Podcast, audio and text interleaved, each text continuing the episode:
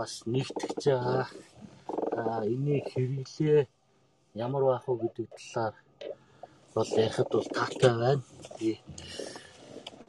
Тэгээд би бол өөрөө компьютерийн ухааны мэрэгчлээ хүн байгаа.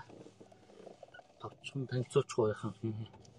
Тэгээ тэгээ өнөөдрийнхөө ажиллагааг шууд эхлэе. Тэгэхээр манай Jotog ээлжид 7 хоног хүрийн лав гарагт 7 цагаас хийгдэж байгаа яриа маань өнөөдрийн сэдв аялал жуулчлалд орчин үеийн мэдээллийн технологи хэм оюуныханы хэрэглээ гэсэн сэдвээр ярилцахаар доктор Төвшинтөр та бүхэнд танилцуулах болно. Би ерөнхийд нэрийн дурссан чинь өөрийгөө танилцуулаад цаашаа явах уу?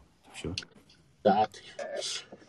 За юу а миний яриа сонсох байна уу те? Сонсогдож байна. За. А Би болохоор компьютер ухаан гэсэн компьютер ухаан дотор ямар салбар байдаг вэ гэхээр хиймэл оюуны салбар байдаг. За хиймэл оюун бол а өөрөө өнөө цагт бол нэлээд өндөр хэрэглээтэй бизнес биднээсээ өдөр тутмын үйл ажиллагаанд түлхүү орж ирж байгаа анхаарал татсан ийм салбар өнөө цагт явж байна. Тэгээ яагаад ийм бос юм бэ? Ер нь энэ салбар ямар учиртай гэдэг талаар нэг товч ярий. Тэгээд ялангуяа энэ өнөөдрийн сэдв болох аль жуулчлалын салбар дээр энэ ямар үүрэг оройлт орж байгаа юм гэдэг талаар та бүхэнтэйгээ бодлоо хуваалцъя гэж бодож байна. Тэгээ а би болохоор өөрөө Берлиний техникийн сургуулийг бакалавр магистраар яг энэ чиглэлээр сурсан байгаа. За энэ дундаа биднээс нөгөө мэрэгчлээ бол сонгож авдаг дээдл нь хоёр мэрэгжлийг бол сонгож авдаг. За энэ донд би онлайн информатик хэмэл оюуныг бол авсан байгаа. Тэгээд PhD-г Карсогийн их сургуульд 4 жилийн хугацаатай PhD хийсэн байгаа. За энэ хугацаанд бол хэмэл оюуны чиглэлээр бас PhD хийж гарсан. Тэгээ энэ хугацаанд яг бас хажуугаар нь эдгэм шинжилгээний ажилтан тухайн Берлиний техникийн сургууль дээр тархалтай хиймэл оюуны лаборатори гэж байдаг. Тэнд 3 жил ажилласан. Дараагаар нь Карсугийн их сургууль гээд Германы хамгийн анхны техникийн сургууль одоо энэ Daimler Benz Heinrich Hertz гэдэг энэ цахилгаан соромзон долгионыг нээсэн өмнөд Герман улсын ажил төр технологийн хөдөлгөх хүч болдог боловсон хүчний бэлтгэл сургуулиудын нэг. Тэгээ энэ сургуульд сурж явах хугацаанд хиймэл оюуны салбар яаж хөгжих ямар асуудлууд явдгийг ямар төсөл хөтөлбөрүүд хэрэгждэг үү гэдэг талаар бол багсаг юм бол харсан. Тэгээ тэргээр Монголдо хурж ирээд бол бас энэ чиглэлээр бол янз бүрийн юм бол хийгээ явж байна. Энэ утгаараа аяж хүчний салбар дээр нэг 2 жилийн өмнө хаа хэмэл оюуныг ашиглах яаж ашиглах уу гэдэг талаар бол нэг хурал дээр ихтгэл тавьж байсан. Тэгээ тэрийг улбаалаад өнөөдөр бас та бүхэнтэйгээ саналаа хуваалцъя гэж бодож байна.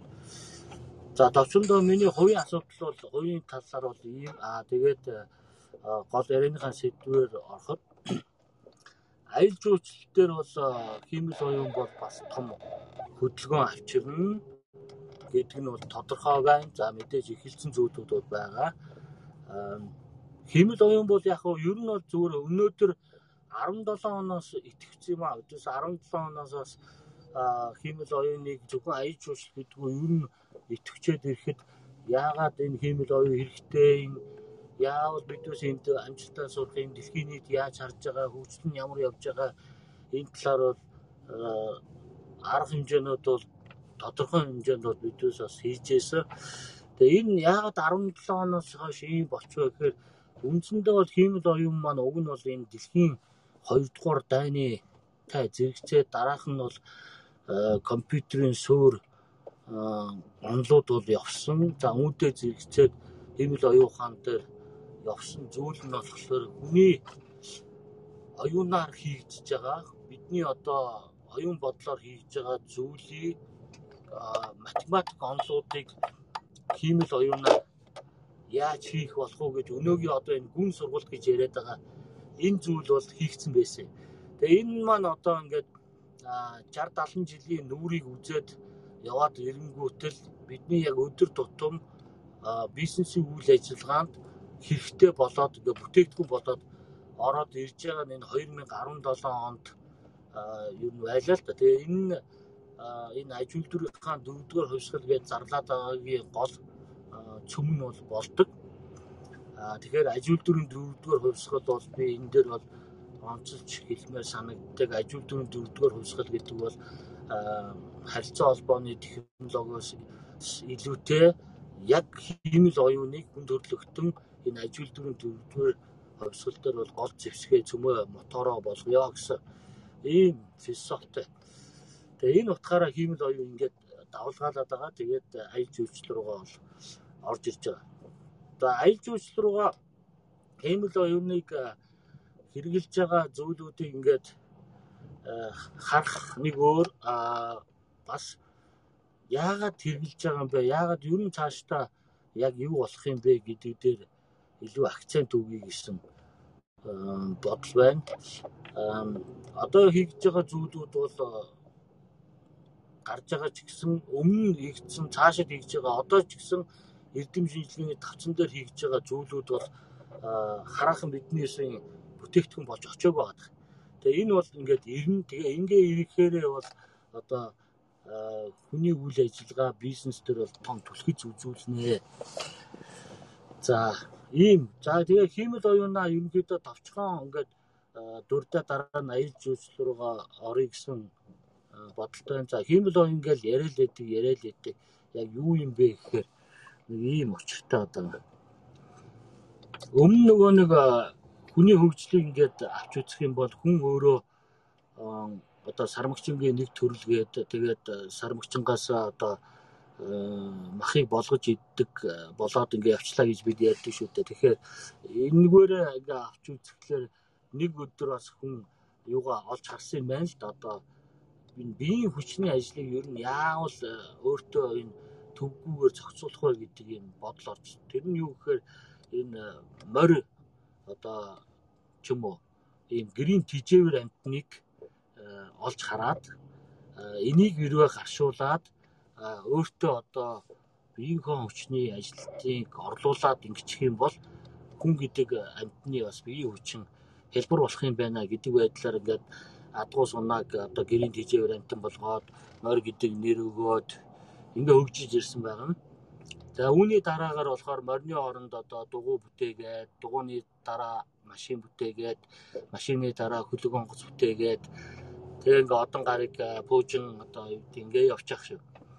Тэгээ энэ бол дандаа нөгөө нэг биеийн хүчний ажлыг хүн өөрөө технологи руу техник рүү шилжүүлж байгаа юм процесс 1 2 3 ажил дүрийн хувьсгал гэсэн нэрийн доор бол үе шаттайгаар бол хөгжиж ирсэн. Тэгээ энэ ажил дүрийн дөрөвдүгээр хувьсгал дээр болохоор энэ оюуны ажлыг ерөөсөө албан ёсоор шилжүүлэх энэ эхлэлийг одоо биелүүлэх хийх байна гэдэг энэ их толоо ба түүний нөхдүүд эдийн засгийн форум дээр хуралдаад тэгээд энэ 17 онд бол ингээд хүчтэй ингээд улс орнуудын одоо бодлогод нэвтрээд тэгээ биднес өнөөдөр хаасайгүй ярьдаг ийм л юм руу орж ирж байна. За энэ бол хиймэл оюун талаасаа игээ явж байгаа зүйл. А за энэ дээр бол гол хийж байгаа техник яг цаад доторх мөн чанар талаасаа ярих юм бол ерөөсөө хийж байгаа үйл явдлын алдааг маш өндөр наривчлалтайгаар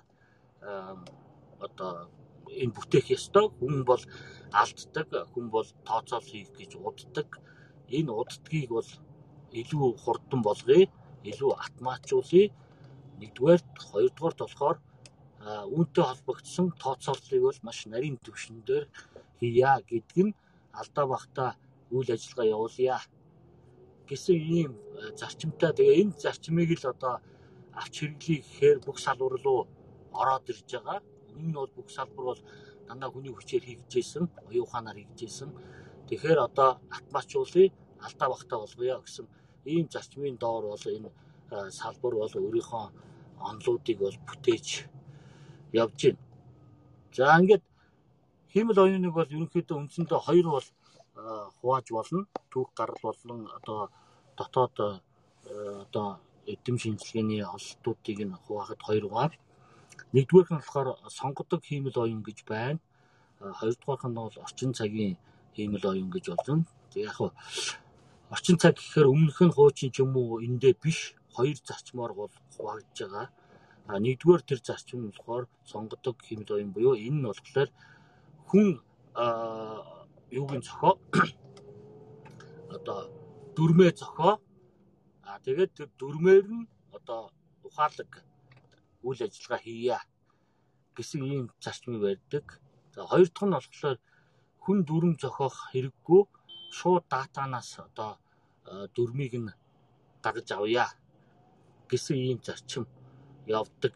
Тэгээ энэ хоёр зарчим бол хоорондоо бол хашлах юм байхгүй.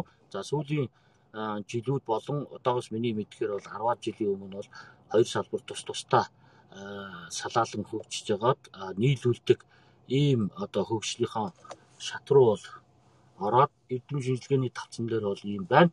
За практик дээр бол биднээс олон юм харж байгаа. За практик дээр бол хүний нүүр царай танихаас гисүүлээ, дуу танихаас гисүүлээд янз бүрийн юмнуудыг бол ингээд одоо гаргаж байна. За сонгодог хиймэл оюун гэхээр тэгвэл хүн дүрм зохиогоод ирэхлээр юу болох вэ гэдгээс жишээ нь 2006 онд Германд нэг ийм хийжсэн. Тэр юу гэхээр Германы өөрийнх нь үндэсний төсөл байсан. Маш том одоо мэдээллийн мэдлэгийн ингээд баазыг бүрдүүлье. Баазыг бүрдүүлье.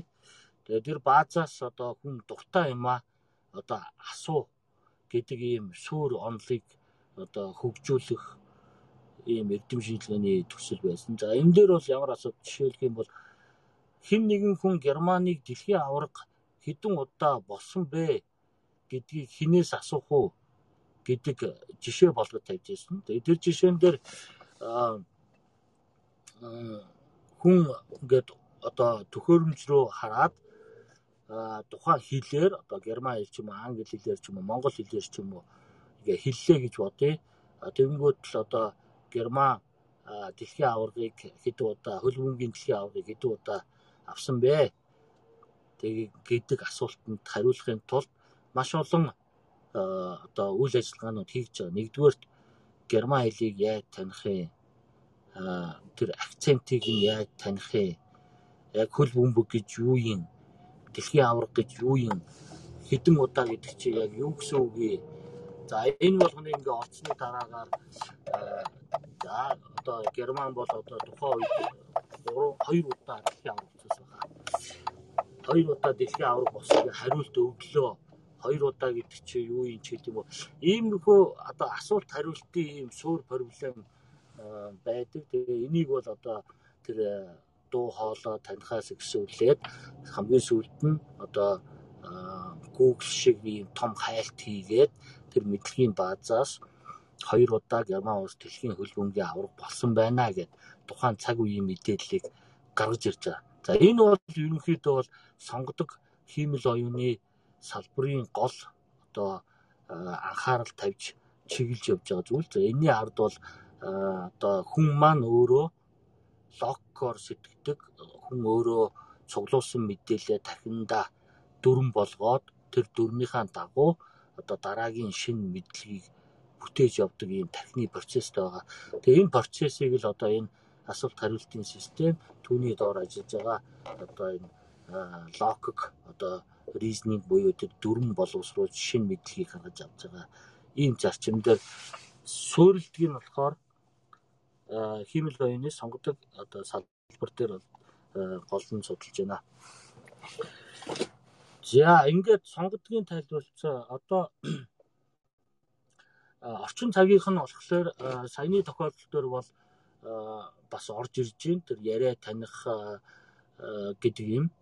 Тэгээ яриа таних гэдэг бол өөрөө энэ сонгодог хэмэл оюуны салбарын гол судалгааны ажлын нэг. Тэгээ яриа таних гэхээр бас их төвхтэй олон процессууд бол шаардлагатай байсан.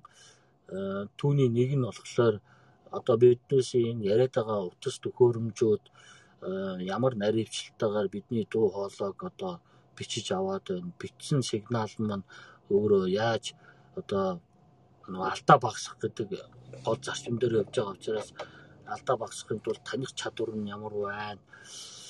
За одоо янз бүрийн аяллагууд байна. Янз бүрийн аяллагуудыг яаж таних ч гэдэг юм уу.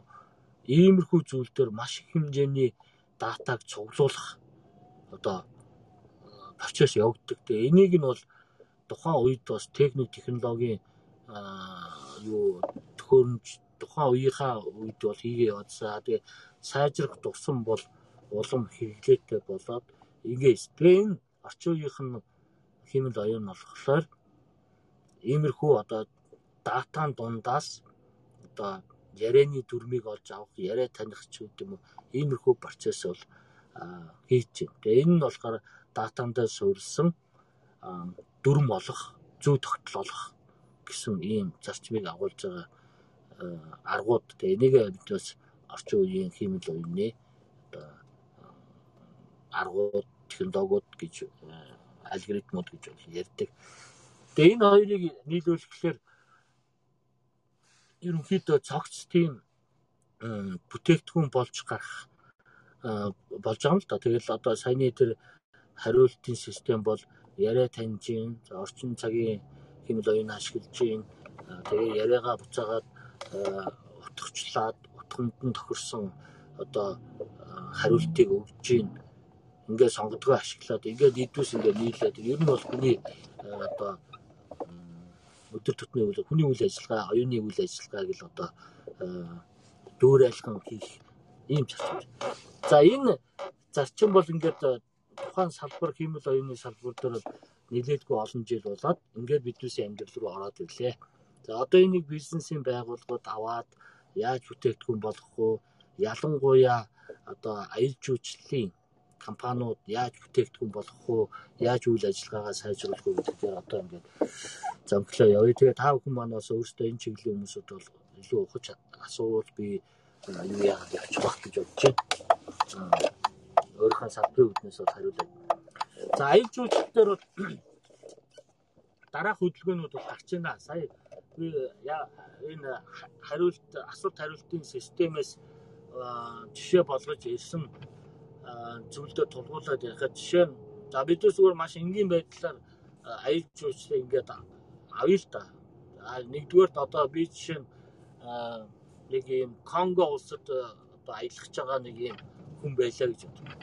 А тэгвэл би яагаад энэ Конго гэдэг улсыг би сонирх ёстой юм Конгогийн талаар ямар нэгэн сэтэл авсан, ямар нэгэн мэдээлэл авсан тэрийг би яаж энэ интернетээс авч байгаа эсвэл найс нөхөд өөр хүмүүсүүдээс аваад байна уу? Энэ процесс байгаад. Тэгээ энэ дээр бол эргэж ярина. А энэ процессыг алгасаад за ямар ч тач гэсэн би Конго руу нэг явах болчлоо гэж бодъё. Баярлалаа. Тийшээгээ ер нь нэг үзэн гоё юм байгаа гэж бодчихлоо.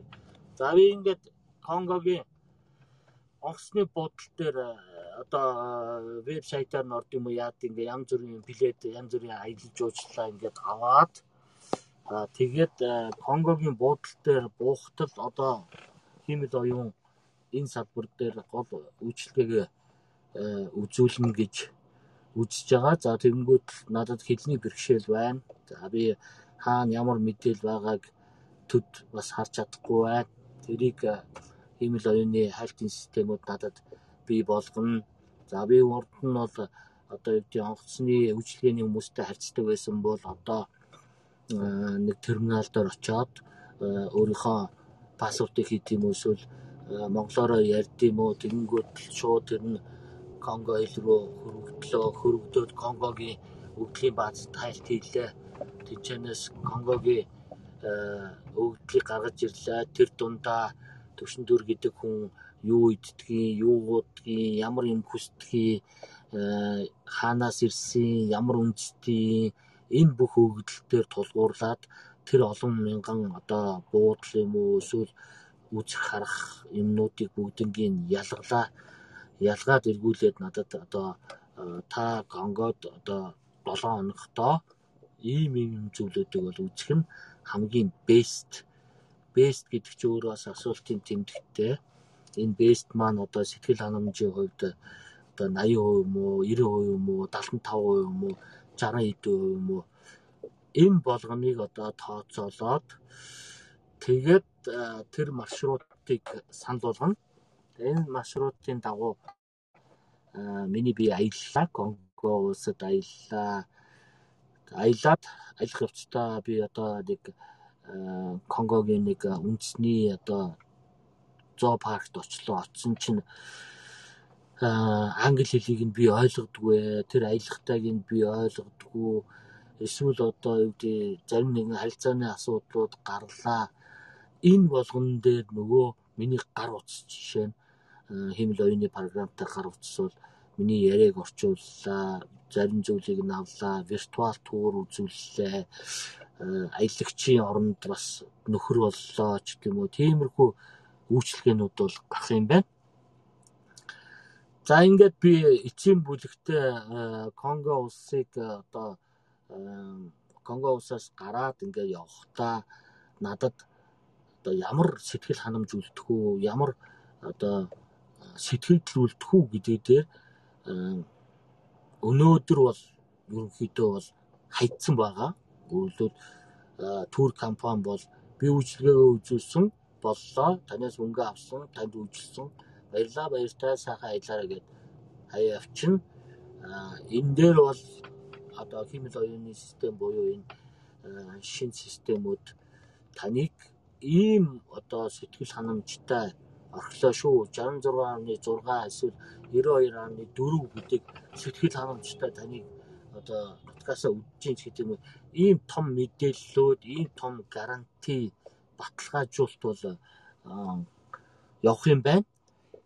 Тэгээ энэ бол одоо энэ бүхэл одоо цикл буюу энэ аялал жуулчлал хийж байгаа хүн талаас харж байгаа энэ цикл бол энэ циклийг технологиор дэмжиж тэр технологийн цаана нуугдж байгаа одоо эрдэм шинжилгээний ололт амжилтууд нь бол бэлэн болцсон байна. Хангалттай одоо энэ үйлчлэгийг одоо үзүүлэхэд бол бэлэн байна. Аа тэгэхээр бизнесийн байгууллагууд эсвэл одоо аялал жуулчлалын бодлогын газрууд энийг авч хэрэгжүүлээд өнөөдөр бол одоо аялал жуулчлалаа дэмжих хүмүүсүүд улс орноо зөв сурчлах эдийн засгаа хөгжүүлэх ийм боломжууд бол байгаа юм байна. Тэгээд энийг бол одоо манай улс ч гэсэн анхаарал тааж төр засгийн бодлого дээрээс нь тэр компаниуд маань саргах шинжилэл хийж явах юм бол салбар бол өөрөө энэ бол юугаар бэлтцсэн байна гэсэн ийм жишээ. Тэгэхээр саяны жишээгээр бол онгоцны бодол дээр буугаад тэгээд буцаад тэр улсыг орхихдоо бүрэн одоо ийм одоо шин технологи ашигласан үйлчлэгээ бол авч олноо. За энэ процессыг жоохон задлаад ярих юм бол түрүүний юун дээр одоо орчуулгын ажил бол ер нь бол халагдах нь. Өөрөлдвөл одоогоос өдөөс энэ ажилчдын хүмүүстэйгээ ярьж байхад 20-30 жилийн өмнө оюутан байхдаа орчуулга хийгээ явж ялаа. Аа эсвэл хилээ сайжруулах гад орчуулга хийж ялаа. ч гэдэг юм уу. За ийм зүйл бол одоо ирээдүйд бол байхгүй болох юм байна. Өөрөлдвөл би тухайн улсын хэлийг мэдэхгүй байсан ч гэсэн шууд гар утсатайгаа яриад асуудал бол зэгцлэнэ гэдэг нь онлын үед бол тодорхой болцсон. Энэ бол ер нь бол 100% бол одоо бизнес дээр бол хэрэглээ явахд бол ямар ч асуудал. Яагаад гэхээр тухайн орчуулагч маань өөрөө хүртэл тухайн хэлээрээ 100% яриад одоо юу гэдэг бүү мэд одоо манай монгол хэлдгээр бол одоо одоо гал шарын унганы тэр унганы тэр одоо гүүний тэр айрыг да да да гэдэг ийм нарийн юмыг хэлэхэд хүртэл орчуулагчийн мэдлэг одоо суух одоо магадaltaй учраас энэний оронд харин маш өндөр одоо орчуулга сайтай програм ажиллах юм бол одоо бидүүс хийгээд байгаа орчуулга одоо системээс илүү одоо гарах боломжтой. Тийм болохоор энийгээ бол ашиглаа явах нь бол хэрэгтэй юм байна гэсэн.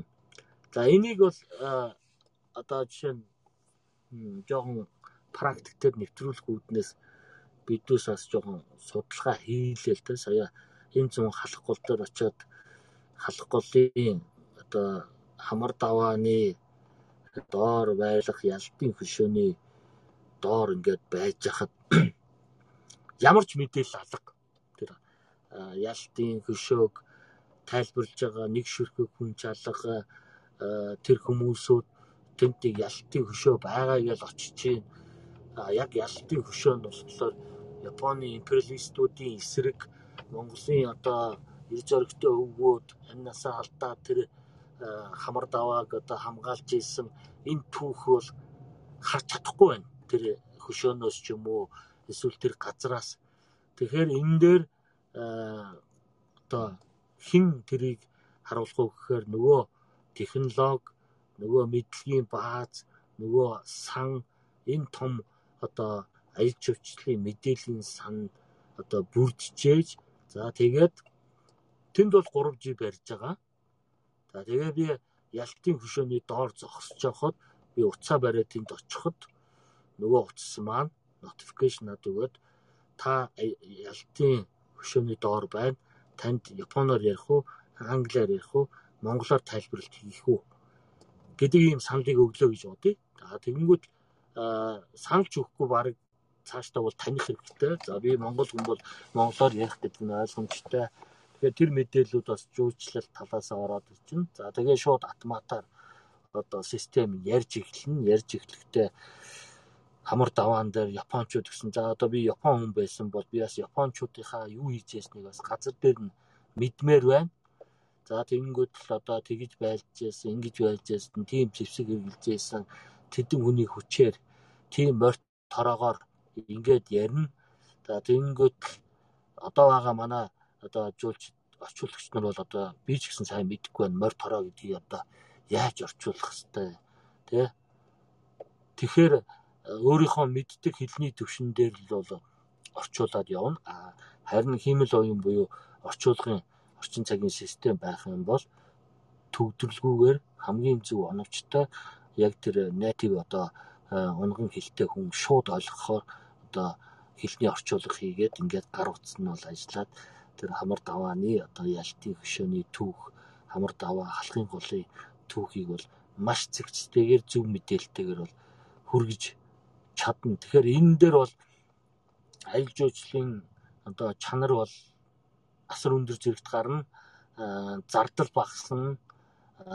Үйлчлэгээ сайжирна. Монгол орны одоо түүхийн талаарх мэдээлэл зөв очно. Нөгөө хүмүүсүүдийн сэтгэл ханамж өндөр байна. Гэх мэтээр маш олон одоо талт юм бол гарах юм байна.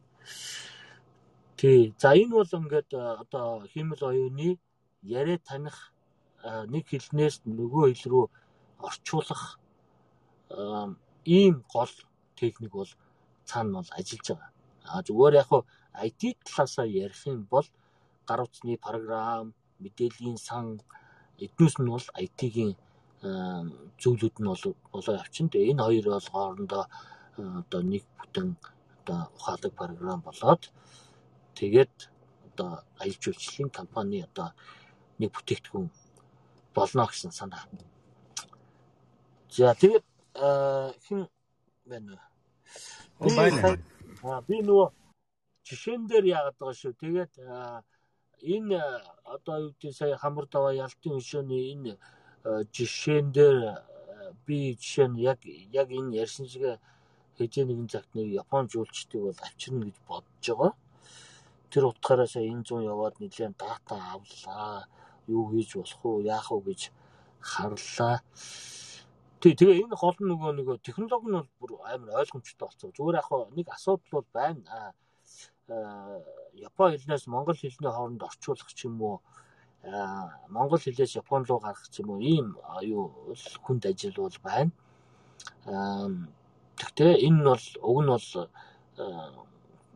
юуны хил шинжлэхийнхаа хувьд бол химэл оюуны салбар дээр бол шийдэгдсэн зүйл өөрөөр хэлбэл хамгийн амархан биднээс Монголоос англи руу орчуулад англиас япон руу орчуулад буцаад одоо юу гэдэг японоос англи англиас монголч гэдэг юм жоохон тойрог замаар бол шууд эхэлж болно.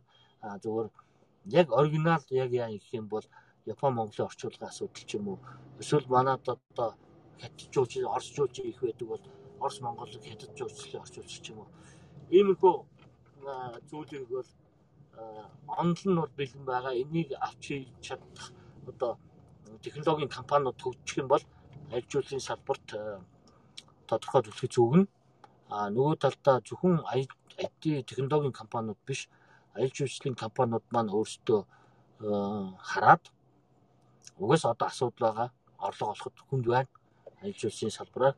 Тийм болохоор шин технологиор суугаад шин технологиг ашиглаад бидээс илүү өрсөлдөх чадвараа сайжруулах юм биш үү гэдэг бодлоор аж үйлчлийн компани салбарууд хөрөнгө оруулалт хийгээд тэгээ ингээ явах юм бол ондон бэлэн байгаа юм чинь технологийн үйлдвэрлээд тэгээд энэ одоо орчуулгын асуудал.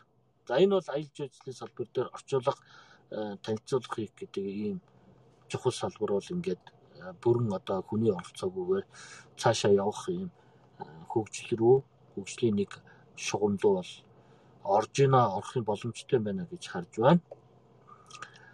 За хоёр дахь асуудал. Хоёр дахь асуудал болохоор эм хаашаа явах юм бэ гэдэг асуудал. Хаашаа явах уу? Аялал, аялал би хаашаа аялах уу гэдэг асуудал.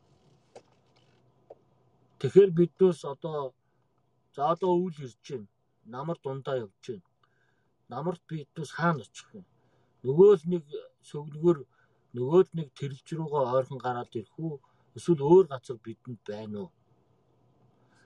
За өвөл болохоор яах вэ? Өвөл болохоор хүүтэн хүүтэн байсан ч гэсэн өвлийн аялал би тэнцэнээс сэтгэл ханамж аммаар байна. Хаана байх вэ? Тэгээ иймэрхүү одоо юу гэдэг аяллыг илрүүлэх гэж нэг проблем байдаг.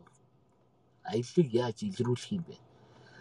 Тэгэхээр яг хүн бол нөгөө нэг одоо бидээс аялал жуулчлал орчин цагаар бол 20 30 жил болчлоо гэд олон энэ тур компаниуд олон төрүүд гаргалаа.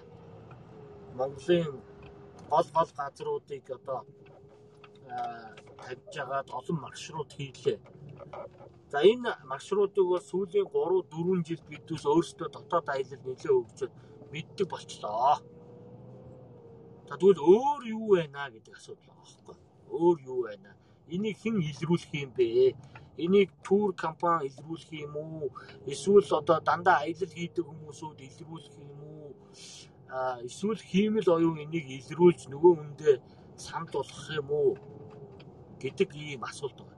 Тэгээ энэ дээр болохоор хиймэл оюун яаж ажиллаж болох вэ гэдэг талаар та бүхэндээ бас хуваалцъя гэж бодож байна. За энэ бол одоо бас чухал проблем байна. За ер нь бол ирээдүйн талаас нь юм уу эсвэл яг хэрэглээ талаас нь харахад бол ингэж харагдаж болно.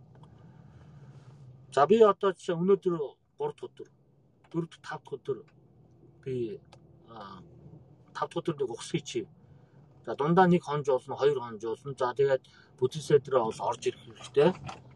Бүтэц сэдрээ орж ирэхдээ бас тэд орой биш бас нэг орж ирээд ус цасанд ороод маргааш нэг ажлынхаа горим руу орох ийм цаг хугацаатай ийм нэг 2 3 хоногийн аялал би хиймээр байна. За би хаашаа явах вэ? гэд одоо тэр ухаалаг системээс одоо асууна гэсэн. Тэр тохиолдолд систем нөгөө хүнээ бол бүртгэлтэй байна мэдэж за энэ хүн юм байна за цаг агаараа харна. За энд юм байна. Баруун зүг юм болсон. Монгол орны дундаж температур юм болсон. За урагшаа нэг тийм байна. Зүүн тишээ юм байна. За тэгэнгүүт нөгөө хүн 2 хоногийн хугацаа өгсөн байгаа. Дундаа нэг хонж болно. Дээдл нь 2 хонж болно. За гэр бүл дан одоо юу гэдэг ямар нэгэн өөр зориг ч юм уу эсвэл машин унаа. Тэгээд тал нутаг, говь нутаг. Энэ төрийг ингээ харж байгаад жишээ нь одоо аялал жуулчлалын систем Дорногов аймгийн Хамрын хийд рүү одоо яг энэ цаг хугацаанд очих юм бол танд хамгийн оновчтой байна. Хамгийн сэтгэл ханамж ийм өндөр байна гэдгийг бол систем гаргаж өгч та. За тэгээд тэр хүн нөгөө маршрутаараа гар утсаа бариад явна. Явхад асуудлууд байна. За тэрэн дээр одоо бол биднес Viber байдаг юм уу эсвэл нөгөө энэ зүүн бол бас гайгүй төлхөө хэрэгжилж байгаа нөгөө ямар үлээ хинээ нөгөө нэг ногоон өнгөтэй логотой аппликейшн чи. Юу вэ нэг аппликейшн. Maps Maps мэ. тэгээд Garmin авч явна. Ингээд ингээд байгаа. За хиймэл оюун хэрвээ тань ажиллаад ирэх юм бол нөгөө аялын маршрутыг бол тогтоочлоо. Ерөнхийдөө бол урагшаага гарья. Урагшаага гарахдаа одоо юу руу явъя?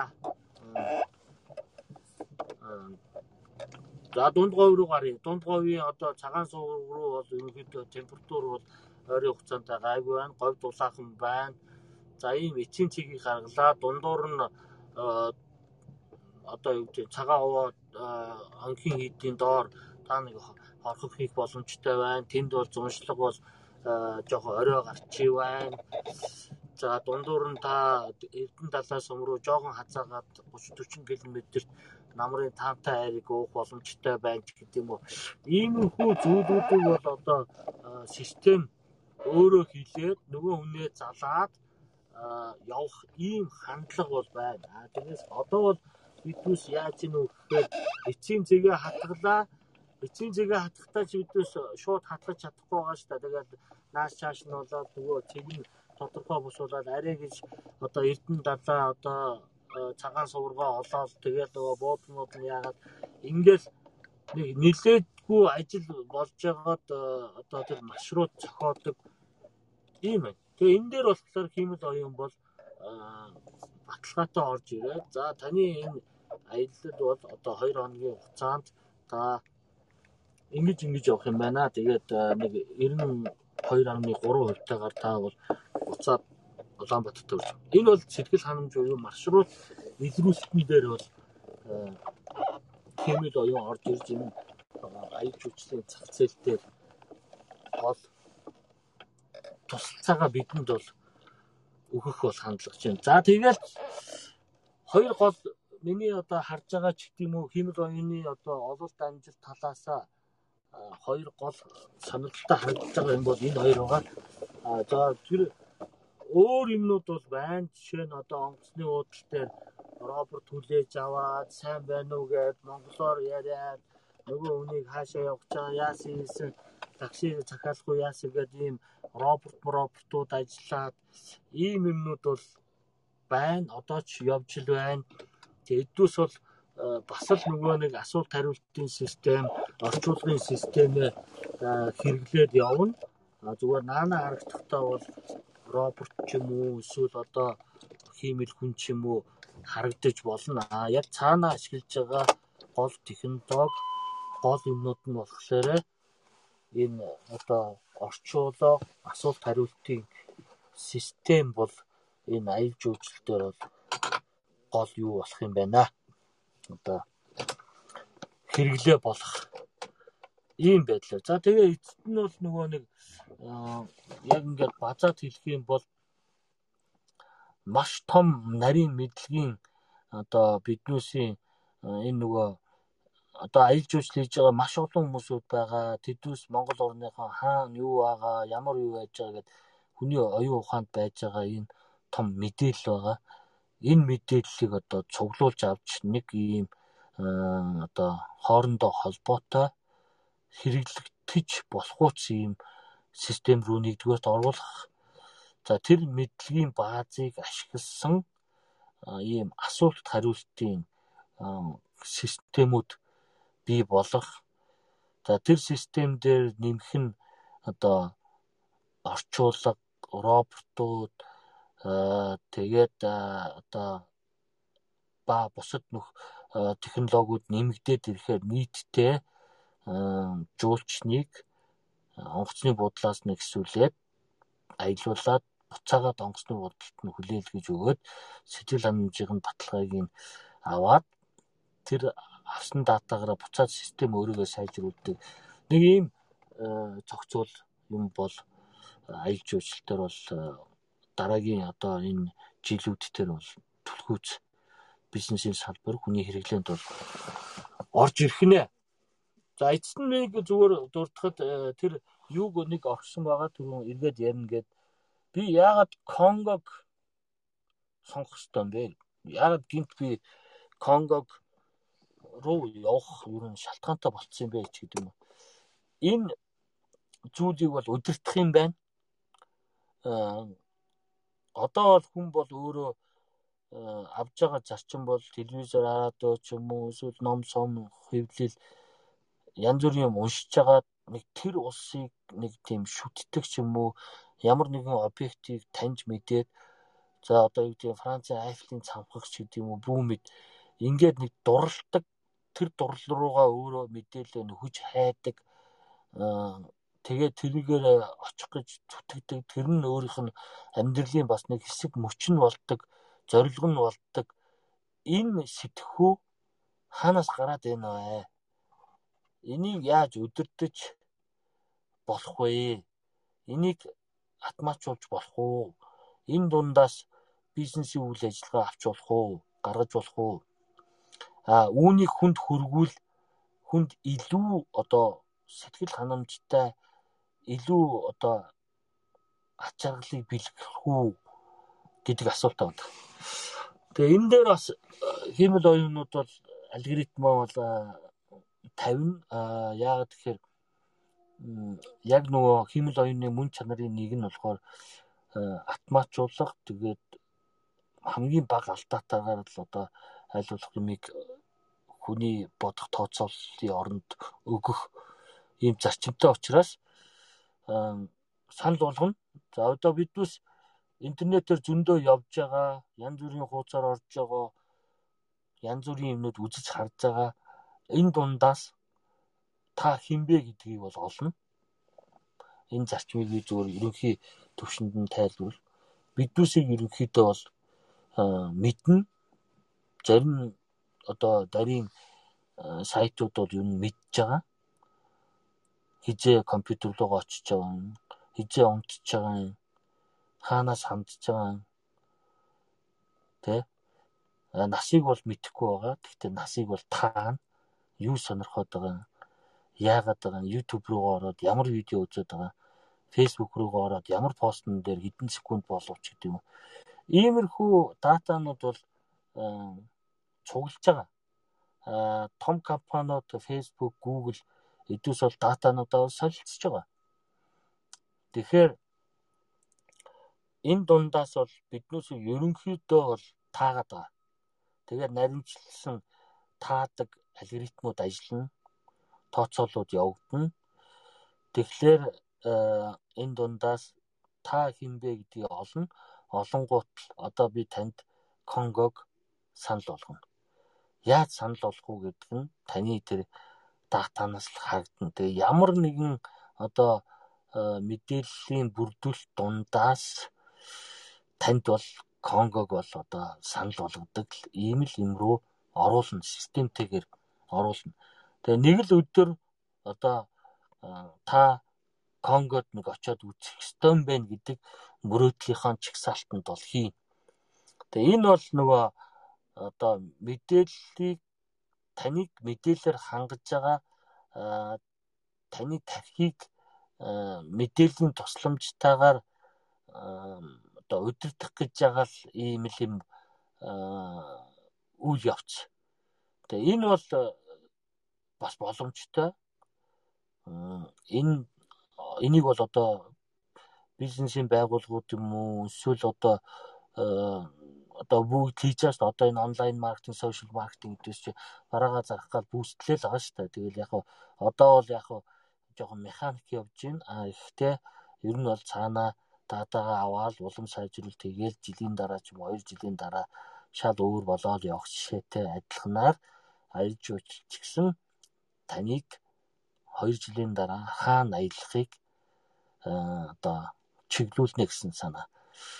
Тэгээ энэ нь болохоор нэг буруу биш л гэж би бодож байна. Яа тэгэхээр нэг дутуу хагас мэдээлэлтэй ийш тийшээ явна тэгин ингэн гэж мөрөөдөж эсвэл тэгж явах хооронд маш сайн мэдээлэлтэйгээр маш сайн өгдөлтөөр систем танд 100% эсвэл 100%-аас тэдэн хувийн сэтгэл санамжтайгаар танд Конгогийн энийг санал болгож шүү гэд систем програм одоо танд санал болгоход бол буруутах юм бол огт байхгүй. А өөрөөр бол дандаа л алдаа гарна. Тэгэхээр нөгөө хиймэл оюун чинь нөгөө алдаа баг баг оруулаад хүний үйл ажиллагааг автоматжуулах гэдэг зарчмаа баримтлаад танд тийм саналыг бол гаргаж өгнө гэсэн. Тэгээ энэ болохоор их нарийн одоо яаж тэр хүнийг э, Конго руу явдаг болгох вэ э, гэдэг бол өөрөө э, за миний одоо өөрийн мэдлэгийн төвшөнд бол харахад бол тодорхойгүй байна. Нөгөөдүүлийг бол би бол тодорхой одоо аялал жуулчлалын компаниуд бол ажиллаад эхлэхэд бол асуудалгүй гэж харж байгаа. За энэ дээр бол судалгааны ажил нарийн алгоритмууд гаргаж ирэх гээд бас бас жоохон оюуны ажлууд явах болов гэж би бодож байна. Одоогор бол яг надад бол чэйчэнд бол яг ингэж хийнэ гэсэн юм бол харагдахгүй байгаа. Тэгэхээр энэ дээр бол орон зай байна, энэ дээр ноцтолтмоор байна, энэ дээр судалгаа хиймээр байна гэж бол бодож байна. Тэгээд баг сага ажлынхаа хажуугаар бас энийг яаж зохицуулах вэ гэдэг дээр бол судлаад янз бүрийн юм хийх гээд ингээд төлөвлөөд явж байгаа. Хариу хэрвээ бидус энийг хийж чадах юм бол одоо Монгол улсын чинь аялал жуулчид оруулж ирэх гээд том бодлого явж байгаа шүү дээ. Тэгэхээр энэ бодлогыг бидус хэрвээ нэлээд ийм өндөр түвшинд оруулж ирэх юм бол илүү олон жуулчин бол татна эсвэл одоо орчин үеэр татна ч гэдэг юм уу иймэрхүү. Тэрнээс ч одоо гэдэг дан Чингис хааныхаа түүхийг яриад эсвэл одоо юу гэдэг Монгол орныхоо байгалыг яриад дан бас шууд хүчээр бас тэр олон хүмүүсүүдийг татхад бас асуудалтай гэж магадгүй. Яагаад тэгэхээр маш сайхан байгальтай, маш өндөр өв соёлтой маш сонирхолтой улс орн энэ дэлхий дээр дор хаяж 100 ширхэг байгаа учраас э, тэр зүг рүү явж байгаа хүмүүсүүдийг бол нааш нь татаж Монгол руугаа хавьчна гэдэг бол их нарийн алгоритм болох байх гэж бодод. За энэ дээр бол э, мэдээж хүн бол одоо ажилтгаар ажил манай аж үүсэлт бодлогыг зохицуулалтын газрууд бүгдээрээ ажилтгаар ажиллана. Гэхдээ э, тэр бол Э, тодорхой хязгаар дунд юм уу тодорхой хүрээнд байна. Харин хиймэл оюуныг ашиглаад биднээс интернетээр дамжуулан нөгөө хүмүүстүүдтэйгээ жилийн өмнөөс харьцаад эхлэх юм бол жилийн дараа нөгөө хүмүүсүүд Монгол улсыг сонгоод одоо ирнэ гэд тэгээд онгоцны бодол дээр нь буухт нь тийм соёлтой асуулт хариулт орчуулгын системээс өсвөлээд ингээ явах юм бол том аялал жуулчлалын хэмэл уян орчин цагаа ашигласан ийм систем болох юм байна гэж бол том зургаар нь бол төсөөлж боддог бодож үтсэн. За юм байна. Тэгээд э, асуулт хариулт бол хариулах уу хэмээн. Тэгээ тэгээ. Би бас э, яриаг чинь таслаад яах вэ гэд нэлээ яриул бас э, яг өөрийнхөө бодож исэн миний бас бодож исэн асуулт юунуудыг хамарч их гоё ярьлаа.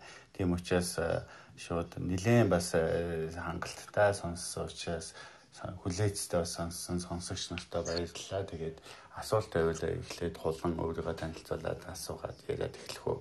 Бас сонсогч нараас маань гараа өргөд бас олоод ирээрэй.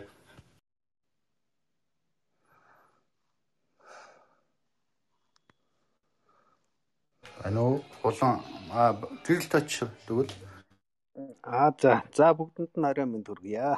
Эндээ За сая төвшөр хамгийн сүүлд тэр нөгөө нэг сэтгэл ханамжийн талаар тухайн үзмэр үйлчлэгийг үзээд тэр хүн яаж сэтгэл ханамж авахын тэрийг айгуу гоё IT талаас нь гоё тайлбарлалаа. Юу гэж ярих юм бол доо гэдээ анхааралтай сонсч байсан. Яг л бидний нөгөө цахим интернетэд хандлтаар биднийг тандаад бидний дата угаасаа тэр Google дээр ч юм уу хааны цуглчихсан байгаа.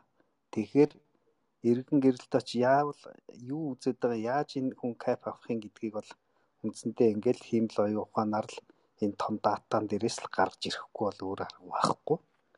За яг би нэг юу надад нэг аялал жуулчлалын компани хандж ирсэн юм аа.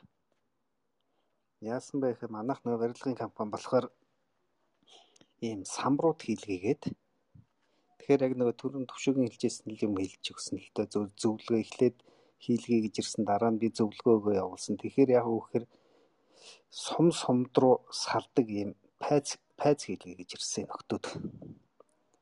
Нөгөө чиглэл заасан. За тэгвэл наадах чинь одоо орчин үе зүгээр нэг турбаа осгоод дээр нь ингээд сум хаддаг.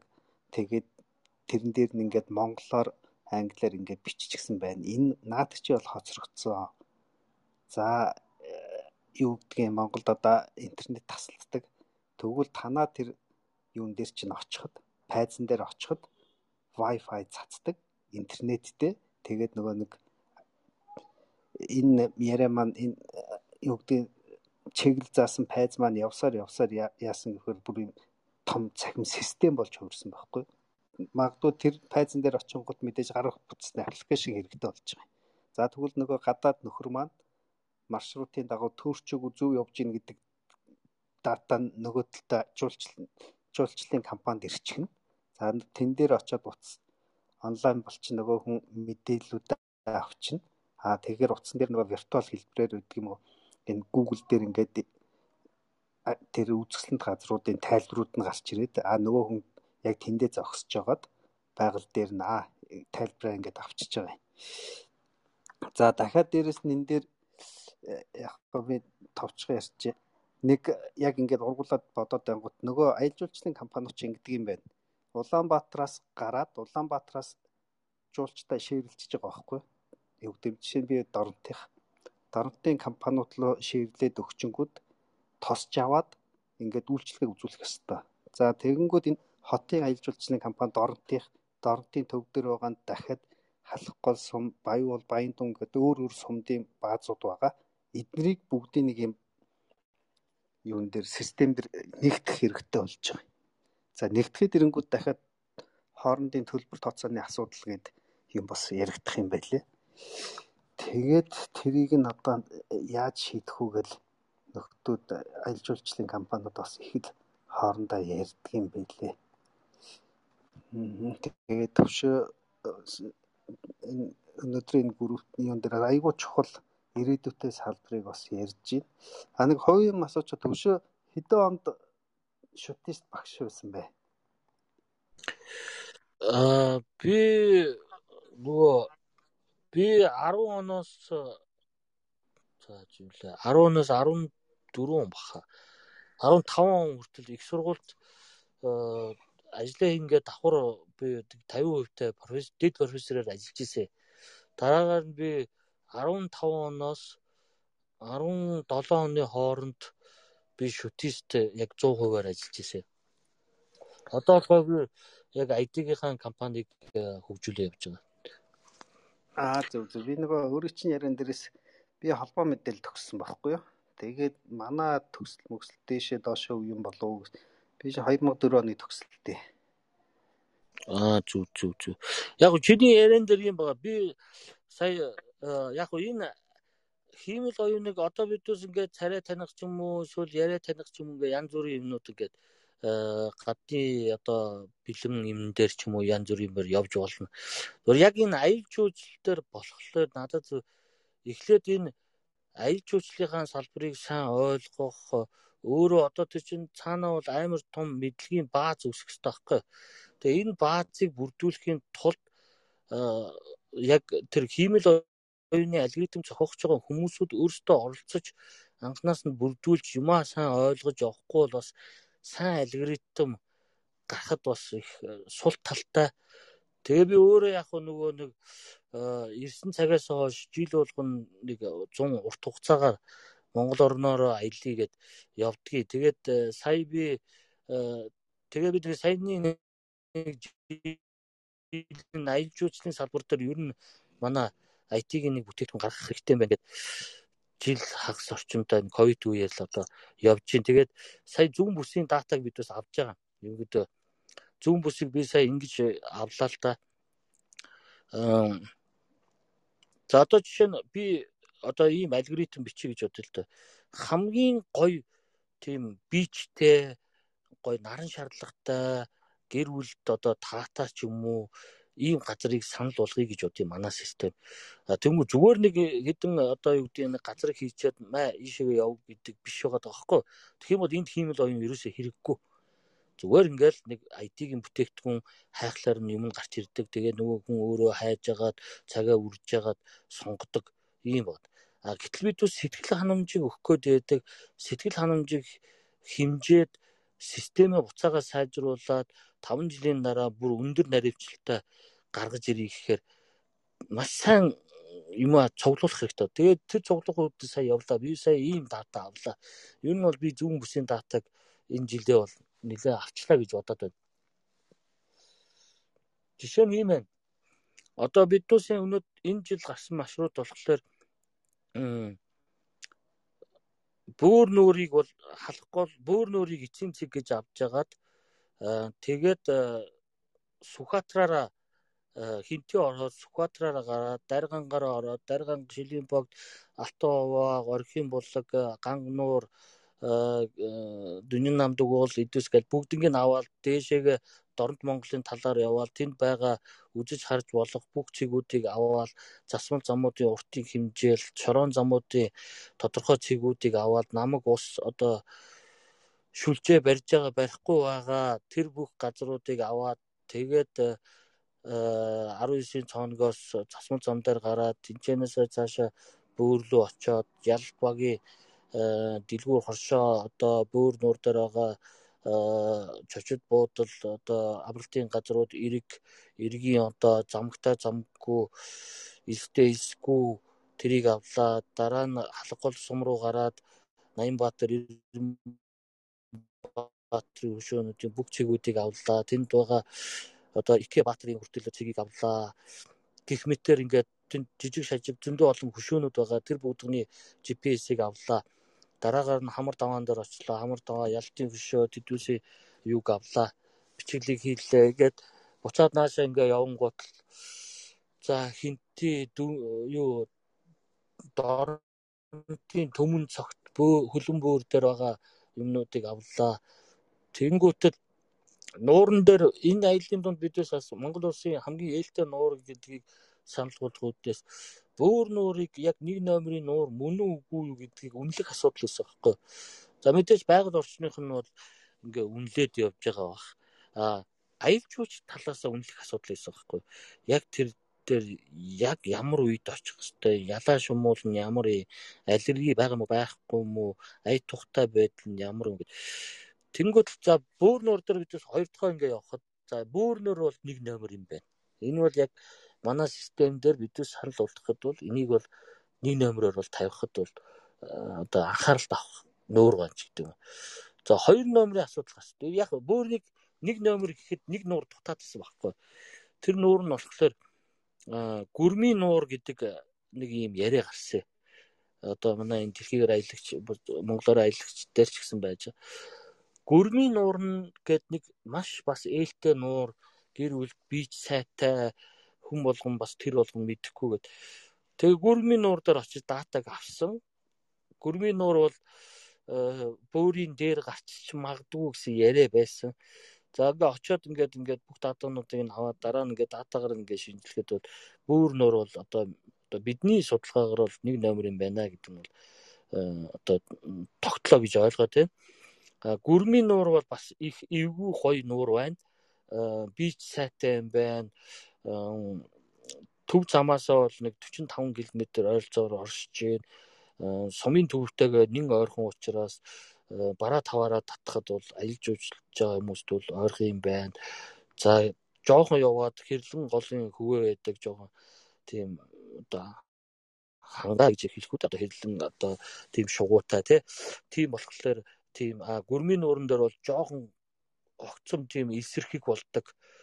Тэгэхээр элс говьо э, харангаа нууран дээр тэгээ бас гэрлэн голынхаа хүүн дээр тийм ногоон байглаа харъя ч гэдэм үү. Иймэрхүү комбинацийг шаардж байгаа хүмүүст бол бидээс бас энэ маршрутыг бол санал болгож болох юм байна ч гэдэм үү. Иймэрхүү байдлаар ингээд нөгөө датануудаа аваад тэгээд систем руугаа одоо хийж ийн зураг хөргөхтэй одоо юутай тэгэл одоо нөгөө юугаа алгоритмаа ажиллуулж эхлэндээ одоо нэг хүн орж ирээл за би нэг 2 хоногийн хугацаатай 3 хоногийн хугацаатай 500 км дотор гэр бүлээрээ бас нэг устаа газар очимоор байна. Тэгтээ бас нэг тэгчмээр байна ч гэдэм үү. Тэгтээ аллергитэй штэй манай нэг хүн ч гэдэм үү. Иймэрхүү тохиолдол биднээс жишээ хар зүрхний хүүхэн ур дээр бол очих хэрэггүй шүү. Тэнд яг энэ цаг хугацаанд аллерги өндөр явж байгаа. Тэгэхээр та төв замаараа шулуу яваад баяо төмөн цогт орохын наан 100 гарт тийшээгээд 45 км яваад баяо одоор очиж гүрмийн орлууга жиж амраад тэгээд хөлөн бөөр рүү ороод за энэ 500 км-ээр сэтэрч байгаа учраас та цаашаа явах хэрэггүй энэ хаваараа ингээд сэтгэл ханамжийн өндөр ийм ийм боломжтойгоор ингэж ирэх нь шүү гэдэг ийм имийг л одоо зорж байна. Тэгээ энэ дээр л нөгөө химэл оюуны алгоритм ажиллана. Зүгээр яг IT химэл оюуны хоёроо ялгах юм байна. Саяны гар утасны програм эсвэл одоо Wi-Fi эсвэл тэр энэ бол бүгдээр IT-ийн ажлууд нь. Яг тэр юуг нь одоо санал болгоод сэтгэл ханамжийг гаргаад тэгээд алдааг нь багасгаад ингээд зогсуулж байгаа нь болохоор ерөөхдөө химэл оюуны алгоритм гэд ойлгох болно. За энэ хоёр нийлжээж л одоо энэ нэг орчин цагийн одоо хүн дээлтэй одоо сэтгэл ханамж өндөртэй бүтээгдэхүүнийг л одоо хүний гартаар л авчирч байна гэсэн. Тэгээ эзэн бүлэгт бол яг зуны цаг бол богинохон өчнөө зардал гаргаж явж байгаа тэрэндээ зориулаад аюул осолгүй ажиглал өндөртэйгээр ингээл системээ хэрэглээд тэгээд гоё сайхан энерги аваад хүрээд ирнэ гэдг нь л одоо энэ хиймэл оюун аялал жуулчлалын салбар дээр одоо нөлөө хөгжүүлж байгаа зүйл гэж харах хэрэгтэй те. За. Баярлалаа. Сая ярьсан дээр асуухад юу гэдгийг одоо жишээ Google Translate гээд орчуулгын програм байна. Бас интернетээр бас өөр төлбөртэй юмнууд байдаг те. Тэгэнгүүт тэр програмуудаа жишээ нь яадгийг цаад девелоперуудаа гэрээ байгуулад манайх танаа дээр танаа юу гэж чинь програм чи өөр дөрөө ингэж давхар суулгаж ашиглая. Тэгээд сарын төлбөр гэдэг юм уу түрээсийн гэрээ гэдэг юм уу тэр маягаар явдаг. Дахиад дээрэс нөгөө GPS-ийн мэдээлэл авлаа гэж штэ. Нөгөө саяхан нөгөө IC юу лээ? Ямар төлөв лээ? IT нөгөө coin гаргацдаг чинь iTools тий. iTools чинь нэг Монгол map хийчлээ гэдээс нь тэр нь бас ямар холбоотой тэгээд тэднийх нэг газрын зураг хийцэн энэ гэдээс нь тэргээр мэдээлэл вэ?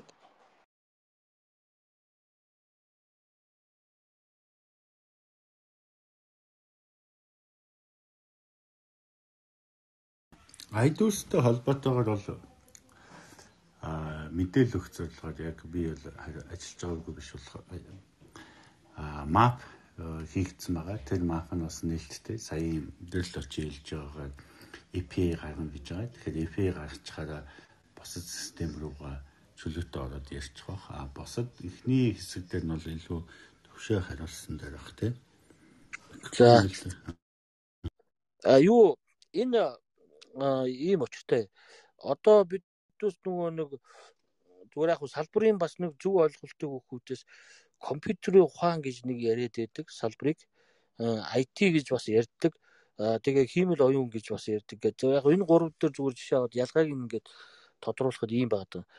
Компьютер ухаан гэдэг нь өөрөө нөгөө нэг компьютер сайенс гэдэг нөгөө тэр том салбараа хэлээд байгаа байхгүй.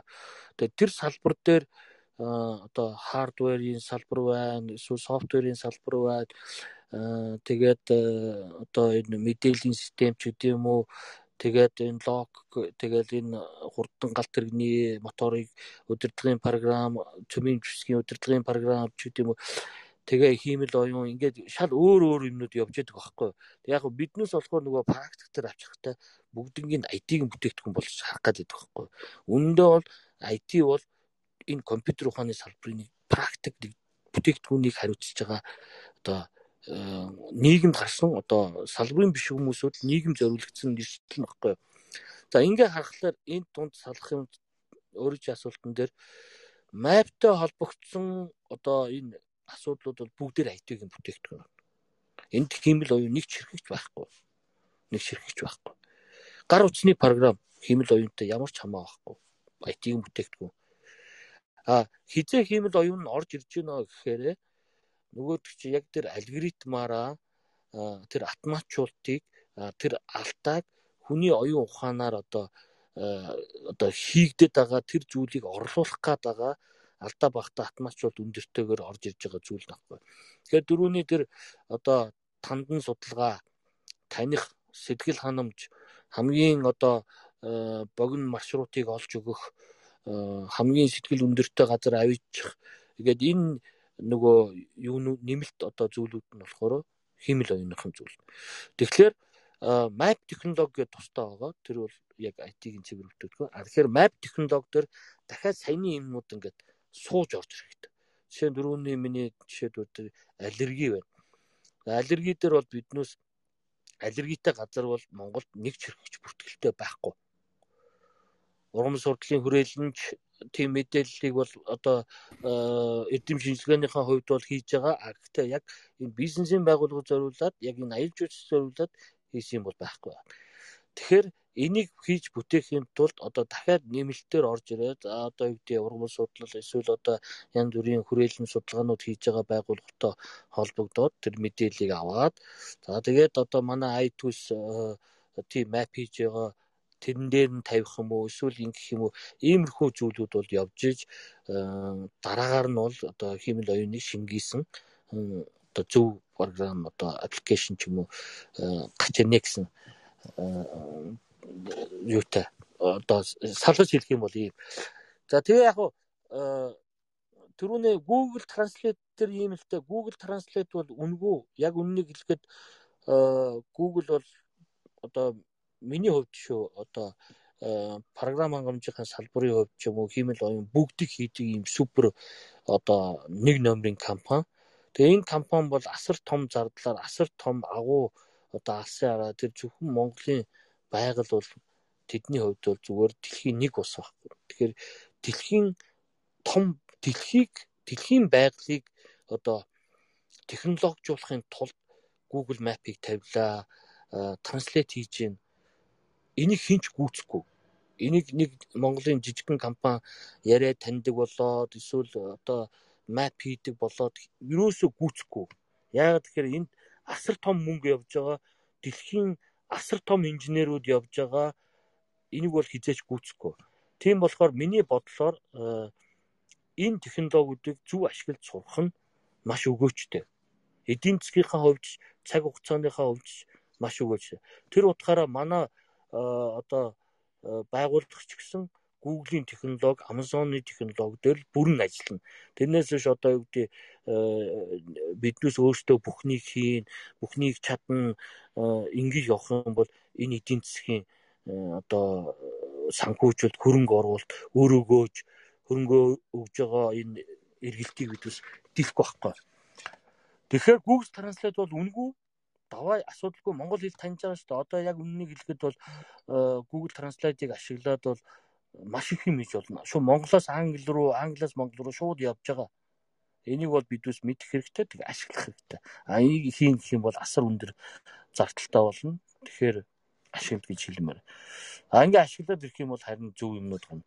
Яг хөө энэ дээр нэг проблем л байгаа даа юм л да юу гэхээр зүгээр одоо видеос одоо байшин барих чинь ингээд одоо юу гэдэг 100 айлаас ч юм уу хаанаас ч юм бүх юмнуудыг авчираад өөрөө би байшин барьж болно да одоо юу гэдэг 100-ынхаа байшинг бол би ингээд барьчих болно.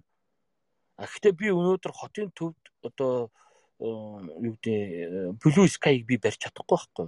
Яг тэгэхээр энд барилгын инженер хэрэгтэй, архитектур хэрэгтэй, Тэгээд материал нь бол 100 айлд байж болно. Юу гэж баг миний одоо үүдээ зуны байшинг бүтээхэд оролцдог материалууд байж болно. Гэхдээ заавал мэрэгжлийн хүмүүсүүд хийх болчиход байгаа. Ийм том хэмжээний юм хийх.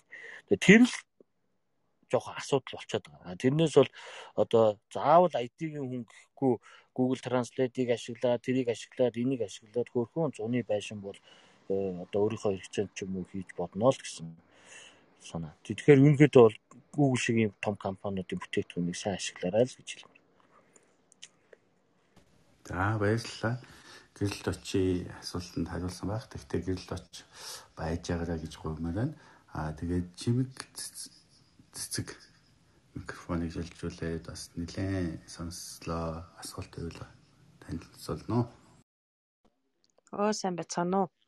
Эндээ. За юуны өмнө би төвшөө болон түүний багийнханд маш их одоо халуун баяр хүргэе. Ягагтгүй л энэ ажилчдын салбар Монгол улсад одоо үнэхээр хөгжмөр болсон салбар. Тэр тусмаа бидний энэ одоо технологийн зуунд жуулчдыг одоо 400 биш сая жуулчин авчирьяа л гэж байна. Авчирхад бүх юм ойлгомжгүй хэвээрээ байгаа. Тэгэхээр одоо энэ дээр бол яхахгүй хиймэл оюун ухааны тусламж асар их хэрэгтэй байгаа. Бид нар энэ дээр одоо энэ Монголд ч гэсэн аялахад үнэхээр одоо байдал хүнд байна. Нэрэл би одоо би өөрөө Дорнот аймгийн хүн хэрнээ Баяндан сумын хүн хэрнээ одоо буур явж үзмээр нь үзээгүй. Гэтэл одоо хаагур яаж явах вэ? Тэр Тамсгийн нөгөө нэг тий а одоо Скватра аймгаар яваад тэр юу лээ сайн нэг ярьдаг чинь тэр хар зам тий тэр хэдвэр цаоногч идэг лээ тэргээр ороод явах энэ замаач бид нар мэдхгүй. За зам зур таарж байгаа тэр гоё сайхан байгаль амтны тархсан одоо амтны судлал, ургамал судлал одоо бүр архи тий. Энэ одоо ерөөс юу ч мэдэхгүй тэгэл нэг замаар дахиад ядарсан. Очиод нэг ойлгомжгүй хитэн бааз. Нэг ийм эмээг аялжуулж тэхүү үгүй энэ бол үнэхээр цэг тавиад одоо бол бид нар цоо шинээр бүгдийг дэлхийн жишгт хүрэхийн төлөө. Тэгээ нэгэнтээ одоо энэ цахим одоо IT-ийн асар хурдцтай 900-д амьдарч байгаагийн хувьд энэ одоо юм ингээд хараад те үгүй хараад ажиллахаа ингээд зарсанд үнэхээр озорхож байна. Тэгээд танаа багийнханд хамт баяр хүргэе. За дээр нь мэдээж ингээд сая датануудаа авсан гэж нэмээд дээр нь миний бодлоор намтан судлал, ургамал судлал гэх те Монгол улс өөрөө бас олон бүсэд хуваагддаг ойн бүс, хээрийн бүс, талын бүс, говийн бүс юу ч хэдий ингээд айгүй олон бүс байгаа. Тэгээд энэ бүгдийг ер нь дэлхийн яах гэж Монголд ирж байгаа юм бай дэлхийн бүх хүмүүс ер нь бол манай энэ Монголын онгон байгалыг үзнэ л гэж байна. Тэгвэл тэр байгаль дотор айл хэсэгт нь ямар амтан те одоо говийн нөгөө мазаалаа энэ төр гээл ховолтоод байгаа аргал угалзч гэдэг юм уу. Энэ дэлхий дээр ховордсон улаан номд орж байгаа эсвэл манай хустагийн тахиг үзэн ч гэдэг юм уу. Энэ бүх одоо хуур нандан амтан судлалын урмал судлалын мэдээ мэдээллийн баазууч нь одоо энэ сүлжээр орох цаг нэрсэн. Тэгж гимээж бид нэр дэлхийг наашин татах байхаа анхаарлын татна байхаа гэж бодож байна. Түүнээс биш одоо Монголд ирээд нэг зузаан матрасан дээр унтах нэг кафе уугаад нэг Монголын одоо юу гэдэнтэй том онгон байгалаар нь явна гэж одоо ямар юм хэлэх энэ боломжгүй байдлаасаа бид ангиж цаг нь ирсэй л гэж хэлж байна. За баяр хүргэе та бүхэнд. Үнэхээр сонирхолтой байна. Бүр өстэй яг цаг нь ирсэн л дээ. Тэгтээ санаачилсан төвшөө чамд баяр хүргье. Аа баярлаа. Тий, тэгээ яг уу ер нь бол яг үнэлэлтэй биднээс одоо Монгол улсаа гоё магтаж болно, бахархаж болно. Гэхдээ дэлхийн одоо 3 7 тэрбумын хүмүүсийн нэгжгээд нь биднээс тэгээ өөрсдөө хичнээн магтсан ч нөгөө хүмүүсүүд нь олон газараар яваад тэгээд бас биднээс их харьцуулцдаг юм байл л дээ. Тэгээд зэрэг үднээс биднээс маш ухаалгаар зөв үзэхгүй бол хий нэг өөрийнхөө хүүхдийг магтдаг байдлаар хандах юм бол бас энэ дэлхий дээр э, бас бодит байдлаар оршиход бас их асуудалтай болов уу гэж хаасан. Зүгээр таны яриан дээр нэг жишээ хад жишээ нэгжээс аахгүй э, э, хорго дээр хоргийн баад дээр өглөө 2 грамма ярьж гэн 2 грамма яриад нилээн л зардлаар бас ирсэн юм шиг байна. Тэгээд манай хоргийн тоогоог ингээд хараад тэг хоорондоо германаар ярьж байгаа байхгүй. Энэ одоо юу н гоё байт юм болоо. Бидээс яах гэж энд ирсэн юм болоо гэ ярьж ирсэн. Тэгээ би тэнд байж ирсэн тэдүүс бол нөө герман хэлтэй гэж мдэггүй байсан учраас би төгөж очиод тэгээд мэдлээ тэгээ жоохон ярьсан л да өглөөний цай ямар байна, өдрийн цай ямар байна, ер нь Монголд ирсэн сэтгэл ямар байна. Тэгээ яг тэр хоёр бол нөгөө бас хүн юм чинь одоо өөрсдөө ч юм уу намайг ч юм уу Монгол орныг хүндэлдэг ч юм уу яг ер нь окей зүгээр окей гэд ингээд жоохон яриагаас султгач. А гэхдээ яг биднесгүй байхдаа тэдүүс бол бидүүсийг муулаад байгаа байхгүй. Тэгээ энэчнээс юу харж байна гэхээр биднээс а аял жууч манай дээр амар үнэтэй байна уу гэдэг асуудал тавьж байгаа. Энэчээс гарсан сэдв бол ерөөсөө бид хүмүүсүүд аял жуучлалыг аягүй үнэтэй өгөөд тэгээд оронд нь биднээс арийчтэй гэдэг үйлчлэгээ үзүүлж гинүүл гэдэг л харах э, бодогдсон. Хэрвээ зэнэ одоо 3000 еврогоор тэдүүс иржээлээ гэж бодъё. 3000 еврогоор тэдүүс ирсэн бол 3000 еврогоор тэднээс баг Вьетнамын нэг э, хүн төрөлхтний анхны агууд очоод жинхэнэ хонгон байгалыг тэнд үзчих байхгүй. А гэтэл өнөөдөр тэдүүс одоо юу гэдэг Э, одоо монгол хүний хувьд бол манай хорог бол надад бол нэн гоё байдаг. Би тэнд очихдоо ажиргалтай байдаг. Гэхдээ тэр хүмүүсүүдэд тэр хүн холбоо байхгүй гэдэг байхгүй. Тэгээд аа нэг юм нэг галтуул үзүүлчихэд 3000 евро авлаа гэдэг ийм байр сууриас хандаг. Тэгээ энэ чэнэс аялал жуулчлалыг аялал жуулчлалыг хөгжүүлэхийн тулд бидвээс аялал жуулчлалын дэлхийн одоо үнийн стандарт гэдэг юм дээр бас ажиглалт хийх хэрэгтэй. Өөрөлдөө за нэг Европт байгаа хүн Альпийн нуруу руу очиход нэг 1500 евро гарна. За одоо Монгол руу ирэхэд 3000 евро гарна. Хэрвээ Европоос одоо Чили рүү очих юм бол нэг бас нэг 3 500 ч гэдэг юм уу. Ийгээд энэ юмнуудаа бидээс харж яахгүй бол эх орондоо авчирчингуудлаа нэг тодорхой маршрутаар бараг бие засахт нь хүртэл хорцсон одоо энд буун энд сасна одоо ийшээгээ үргэлжилж явна мөн гэд бараг нөгөө хүмүүсүүдийг 2-7 хоногийн хугацаанд ингээд бараг хашиж явж явж явж явснаа нөгөө үзүүлдэг юм а үзүүлчихэд тэгээ буцаагаад онцны өдөр рүү явуулчихлаа нөгөө хүмүүсүүд сэтгэл ханамжтай. Дахиад нөгөө дараагийн хүмүүстэй юу зөвлөж чадахгүй байгаа байхгүй. Ийм Монгол оронд очиороо үнэхээр гоё мой гэ. А мэдээж олонний дунд сайхан хүмүүсүүд байна одоо хөдөө орон нутаг дуртай бараг одоо юу гэдэг хэр буртагтай муухай байсан ч гэсэн дахин ирмээр санагддаг ч юм уу ийм сонин одоо экстрем бодолтой ч юм уу эсвэл юмыг ажирдггүй ийм сайхан хүмүүс байна. А гэтэл энэ дэлхийн масс масс өөрөө шал өөр хүлээлттэй тэр массууд дундаас бидээс тодорхой одоо тооны хүмүүсүүдийг нааш нь авчрахад бол хүндэл байгаа учраас магадгүй биднээс системийг оруулаад системдээ зөв үйлчлэгээ үзүүлээд тэгээ аялал жуулчлал маань сая ихний хэлдгээр тэнд нэг аялал жуулчлал байлаа, хуваарлаа. Тэр аялал жуулч гэсэн өнөөдөр жуучингаа авлаа, орлоготой байлаа, хөгжлөө. Ийм гой дундын харилцаа, дундын бизнес өрнүүлэх платформтой бол манай аялал жуулчлалаас хөгжих төлөвлөж болох юм болов уу гэж бодлоо. За баярлалаа. Бас гоё асуулт, гоё санал хэлж байна. Үнэхээр яг тэр сэдвүүдээр ороо. Тэгээд би рүү микрофоныг шилжүүлээ.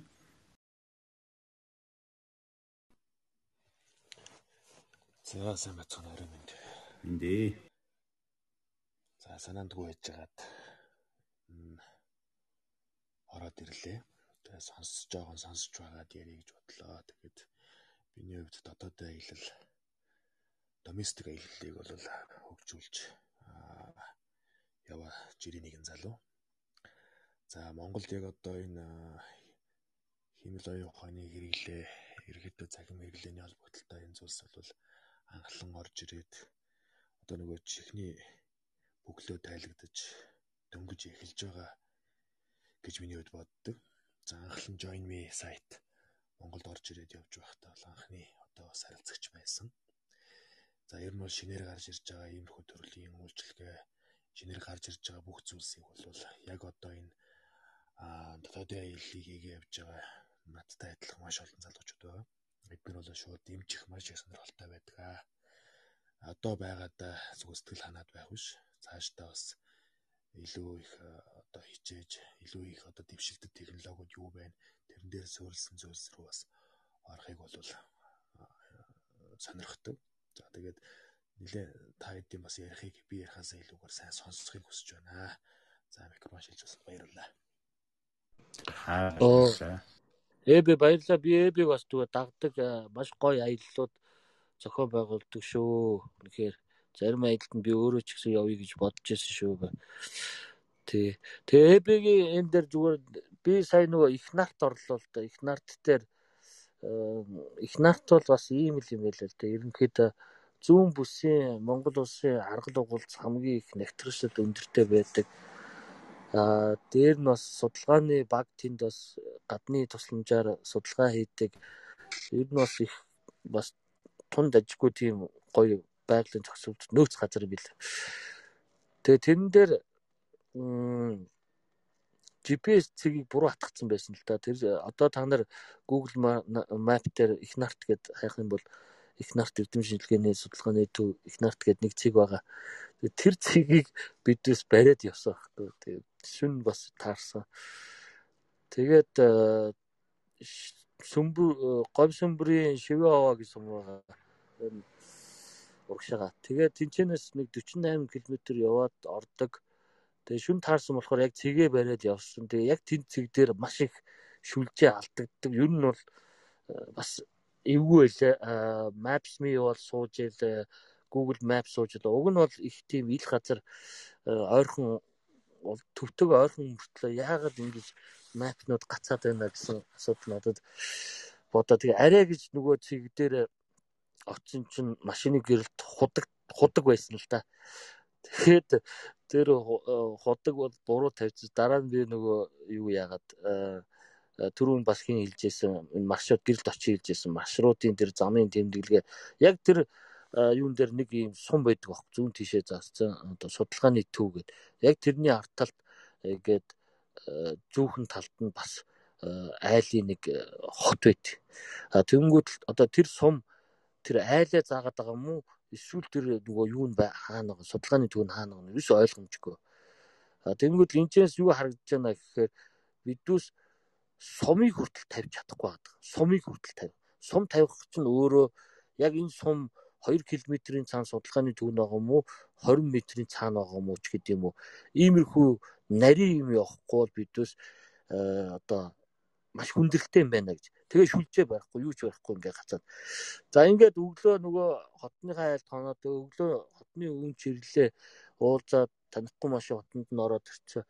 Тэгээ яриад ингээд ингээд судалсан чинь 2 км-ийн цаана нөгөө судалгааны төв баг. Тэгээ энэ GPS координатыг хэн хатгсан бэ гэдгсэн чинь тэнд байжсэн нэг э, хүүхэд төрсгүүтээд э, буруу хатгацсан. За иймэрхүү э, энэгээр би юу хэлэх гээд байгаа гэхээр одоо энэ манай одоо AB аялал одоо AB-гийн хийж байгаа энэ олон хүмүүсүүд энэ GPS координатын цэгүүдийг маш үн цэнтэйгээр хадгалж маш аваад цуглуулад ингээд одоо арчилж чадах юм бол энэ бол их өв соёл юм байна гэдэг. Хэрвээ энэ байсан бол одоо жишээ нь бидүүс ингээл өчнөө зардал цаг хугацаа зарцуулаад ингээл Сүхбаатар руу ороод, Дорнот руу ороод ингээд бүх зүүн бүс рүү ингэж орж бидүүс товтлогож тэр цагуудыг цэгүүдийг авах хэрэггүй суу. Бидүүс хөлийн цэрэг рүү уцтаал эсвэл байгаль орчин руу уцтаал за яг энэ 80 баатар 90 баатарын хөшөөний GPS координатыг өгөөч энд нэг жуулчин явуулмаар байна ч гэдэг юм уу. Иймэрхүү юм хийхээр нөгөөдөл тийм GPS байдаг байхгүй. А байсан нэг нь болохоор миний өмч гэж үздэг. А байсан улсын компани болохоор нууц гэж үздэг. Тэнд нууц юм юу ч байхгүй зүгээр очиод бүртгээл аваад явах юм. Тэгэхээр бидээс аялал жуулчлалыг хөгжүүлэхийн тулд хоорондоо сайн хамтрах хэрэгтэй юугаа мэдээлэлээ солилцоод нэгдээд ингээд одоо тэр баазыг бүрдүүлэх юм бол бидэнд бүх юм байгаа таа. Тэгэхээр энэ дээр ABB бас би чамд нөгөө Facebook-ийн найзлахаа би чамд юу яа гэж бодчих. Тухайн үед нь чиний гой гой маршрут дээр биднээс бас хамтарч ажиллах боломж байгаа шүү тэн дээр бас хамтраасай гэж хүсье. За баярлалаа. За баярлалаа. GPS-ийн юун дээр хэлэхэд яг Maps.me ч юм уу Google Map ч юм уу энэ бол зүгээр энгийн хэрэглээний хүн болгон хэрэгжилж болдог. Одоо програмууд аппууд л та. Тэг яг энэ дээр нэмээд Biojet Geonet, Navi Market гэдэг ер нь бол гар утсан дээр хэлж болдог сүүлийн үед гарч ирсэн GPS-үүд нэлээд олон гарч ирсэн. Тэр дундаа монголчууд өөрсдөө хөгжүүлж байгаа 2 3 аппликейшнүүд бол байгаа. Тэгээ бүгдийг нь бол одоо төлхөө таблетын дээр суулгаад, гар утсан дээр суулгаад бол хэрэгэлдэг. А тэгээд яг тэр нөгөө нэг ямар цэг дээр очисон. Одоо жишээ нь би Монголынхаа дөрвөн цэгүүд дээр очих одоо дуртай, хойд урд, баруун зүүн гэдэг ч юм уу тийм. Тэгэхэд л одоо аль нэг цэг дээр нөө жишээ аваад ярихад одоо Монгол шарын даваа бол Монгол орны хойно байдаг цэг тийм ээ. Одоо энэ цэг дээр очих гэхэд очисон цэг дээр очиод би GPS-эн дээр одоо тэмдэглэсэн тэмдэглэгээр нэг үзнэ. Аа Garmin GPS-эн дээр байгаагаар нэр үзнэ тийм ээ. За тэгвэл ном зохиол дээр бичсэн байдгаар ямар байна уу гэдэг ч юм уу тийм ээ. Иймэрхүү байдлуудаар үзэхэд гуруула гурван өөр байдаг. За энийг бол нөгөө яг мэрэгжлийн хүмүүсийн тайлбараар бол тухайн үеийн цаг уурын цаг агаарын байдал, за агаарын даралт гэл янз бүрийн юмтай холбогдол юм байл л дээ. Гэхдээ би тоомлоод бол яг энэ гурвын энэ гол дээр авчихсан юм байна гэд үзэхэд хамгийн найдвартай гарч ирж байгаа нь бол одоо Garmin GPS-ийн солилцолууд байд юм байлээ. Тэгээ яг ийм хүүд төрлүүдээр бол надад бол нэлийн олон газруудын солилцолууд бол Garmin болон Navi Market-ийнхээр бол байгаа. Яг хөө хэрэгцээтэй юм бол та бүхэн бас энэ төр холбогдоод солилцол координатуудыг авч болно. Байхгүй зүйлсийг бол магадгүй бас ярилцж байгаа. Тэнд бас нэлийн олон газруудад таньдаг хүмүүс байгаа.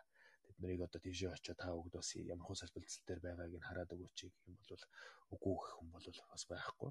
Тэгэхээр та бүгд бас энэ дээр бас цаашдаа бас хамтарч бас болох юм аа. Тэгээд ер нь бол нөгөө жирийн одоо одоо би жирийн иргэд гэдгийг хэлээд тийм ээ. Одоо машиндаа суугаад ямар нэгэн газар руу очиж үзэх гээд явах гэж байгаа хүмүүс бол ихэвчлэн тэр цэг дээр очиод одоо бид нар яаж явах уу гэж асуухаас илүү тэр цэгийг шууд хийчдэг.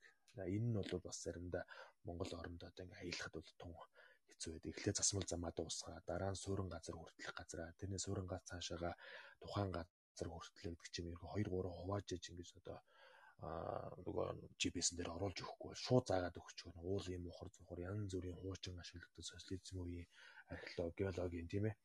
Энэ бүх замууд руу ингээд оруулах тийм тохиолдлууд байдаг. Тийм болохоор хэрэгжилж байгаа GPS-ийнхаа чадал чансааг нь ямар хувь вэ гэдгийг нь сайн бодолцож үзээд бас хийж үзэх юм бол зүгээр. Та бүгд яг одоо бас Navi Market гэдэг тайгаад үзээрэй. Энэ бас айгүй GPS байт юм билээ. Тэгээ ер нь бол Монголд одоо өөрсдөө хөгжүүлээ хийж байгаа энэ GPS гэдэг ямар ч хамааралгүй. Ямар ч гэсэн миний одоо өдөр тутмын ажилд бол ингээд бас орж үзээрэй. За баярлалаа. Маш гоё саналууд байна. Мэдээж Garmin-ы тухай бид нэр бас ярилцсан байгаа. Тэгэхээр өмнөх сизны дөрөвт дугаар дээр яг Монгол аль биесны Garmin дистрибьютор компани танилцуулга хийгдсэн байгаа. Микрофоныг сүүзэж шилжүүлье. Баярлалаа сүүзээ. Аа сайн бацгаана уу орой минь. Мэндэ. Эм сая их сонирхолтой юм сонслоо. Баярлалаа энэ гоё ажлыг эхлүүлсэнд. Аа би нэг гадаад жоохон удсан болохоор нөгөө Монголын тухай хүмүүс ингээд мэдхийг хүсдэг. Тэгээд явахыг хүсдэг. Тэгээд намайг Монгол гэхээр мэдээж анх удаа монгол хүнтэй таарж байгаа юм мэдээ зөндөө гэдэгтэй та нар мэднэ. Тэгэл шууд ачаал интернет дээрээс үнийг хардаг байх л та. Тэгэл та нүд амар том орой дээр гарцсан. Яагаад юм үнтэй дээ? Яг яагаад юм үнтэй ингэж айгүйх асуудаг байхгүй. Түрүү харин чамаа хэнийг үний тухай ярихаар тэр дэлхийн жишг нэг үн байх хэрэгтэй байхгүй юу? Гэтэл одоо ингээд энэ англич чинь ингээ бүр ингээд мэдээж бүх орнд Европын орнуудыг явдаг газраа мэднэ. Адла Гран Кранери гэдэг ч юм уу тэр тийм Тайланд руу явбал заанта аялж явуулчлаа 10 хоногт одоо 600 паунд ирэх очих ингээд бүр үнэ мэднэ юу очих байгаа үзэж байгаа мэднэ бүр нэ expectation тэрийг яг юу хийх ямар хувц хүмүүс ямар үйлрэл юу хэрэгтэй? Бүр ингээд нөгөө гадныхан тэр нөгөө аялсаар байгаа тэр мэдлэгэнд суудсан. Тэгээ баг тэр advertisement гэж баг хэрэггүй. Яг тэгэхээр хүмүүс явдаг нэг эндээ хилдэг ирээд сэтгэл ханамжаа хилдэг тэр гой газар шүү. За дараа нь хідүүлээ тийшээ яв ингээд төлбөрчдөг. Хүний ам чинь мэдээ нэг амар мэдээлэл дамжуулдаг шүү дээ. Уншиж хайхаас илүү тэгээд одоо ингээд сая ингээд айгүй детачлсан гоё юунууд ярьж ин л да. Бүр ингээд нарийн Монгол улсынхаа уул ус гэдэг амтан урмал бүх юмыг харуулсан дэр замдаа хэрэг хэрэгтэй. Одоо экстра тий мэдээлэл хэрэгтэй сонирхсан хүнд ч гэсэн.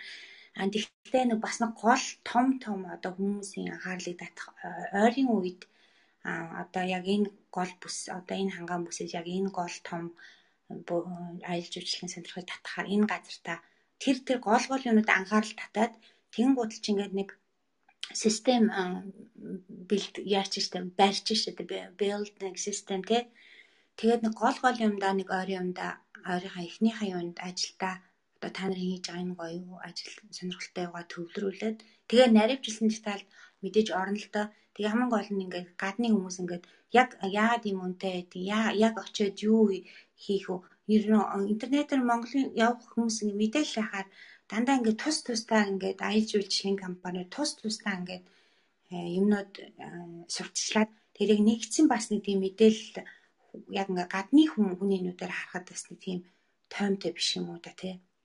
Өөр өөр бичсэн байдаг нэ нөө. Тийм л харагдаад байдаг юм шиг. Тэгээ дандаа ингээд аюу confusing тэр аюу сонирхон гайхсан асуулт те. Жишээлбэл манай энэ мят жишээлбэл аюу монопол байгаа хгүй. 5 сар хүртэл яар үн яг зүг зүгээр ажна. Дөнгөж 5 сар зөөлчний сезон эхлэнгууд үнээстэй амар өндөр нэмчин. Гадаадынхан гэлтгүү монголчууд хүртэл гэртээ ярьж чаддаггүй ш. 4 5 хүүхэдтэй болц, 3 хүүхэдтэй болц. Одоо онгоцныхаа үнийг дийлэхгүйгээд тэр хүмүүс маань хүртэл очиж амьд юу аялмаар байгаа хгүй монголчууд маань.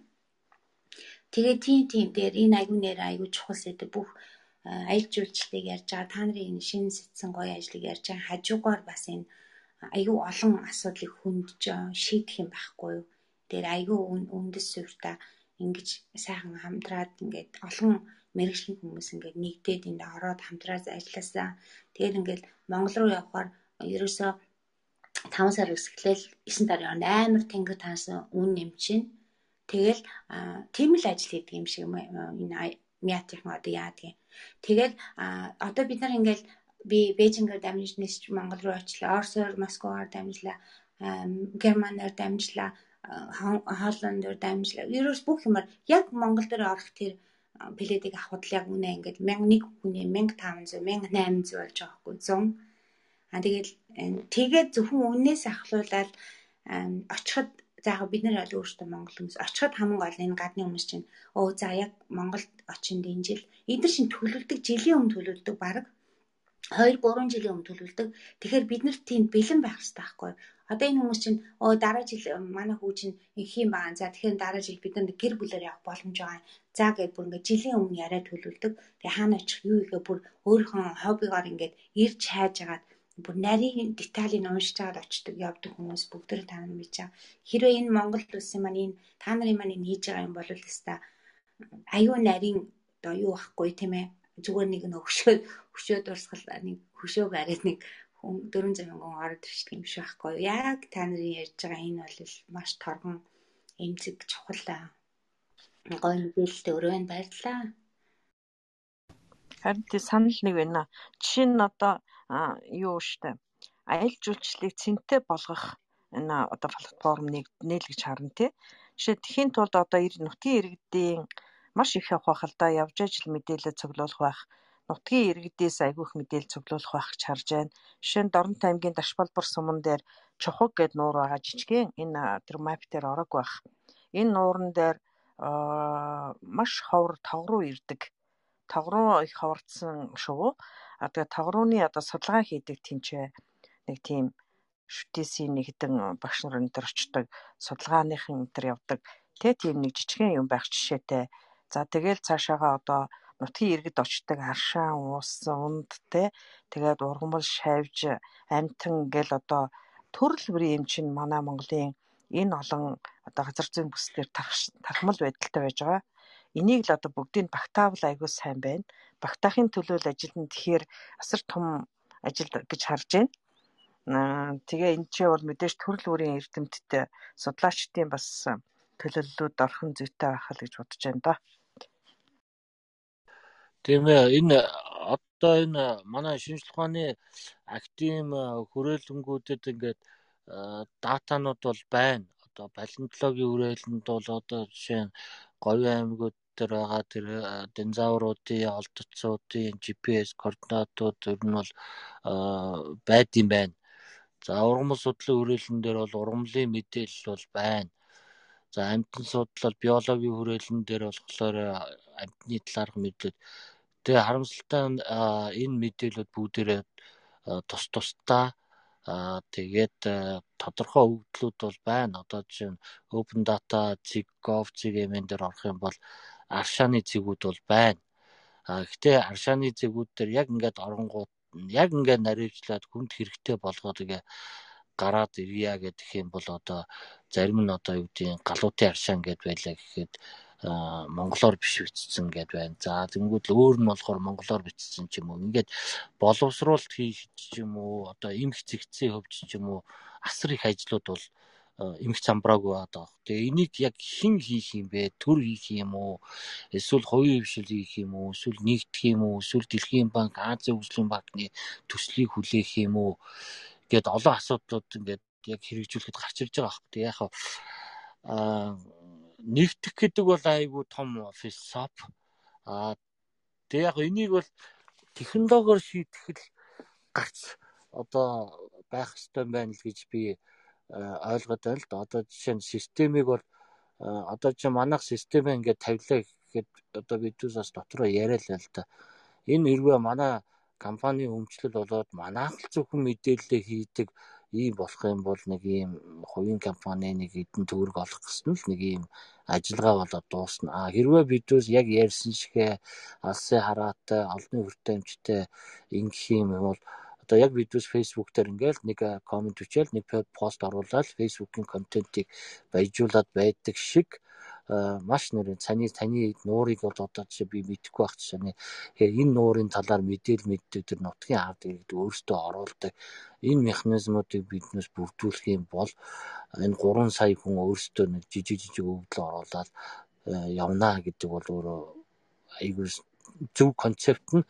Тэгээд энийг хийхин тулд технологи одоо энэ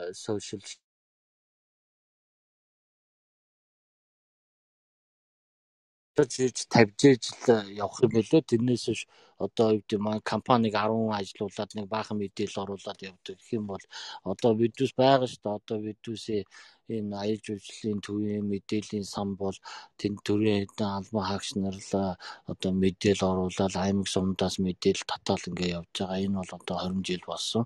бас муугүй сайн мэдээлэл бол байна л дээ. Яа харахгүй үнэнд гүйцэгдээд Монголын бүх байгалийн одоо мэдээллүүдийг бол оруулж чадахгүй байна. А гэтэл хүн өөрөө дунд нь 20 жил хөгжингүүтлээ шал өөр юм хүсдэг болцсон одоо илүү нарийн юм хүсдэг болцсон ийм торгон мэдрэмжтэй үед дээр нь бол үеийг нь дагаж одоо мэдээллийг бүрдүүлдэг ийм том динамик одоо маш сайн систем байж ижил энэ ярьсан юм руу орох бол гэж бодож байна тий.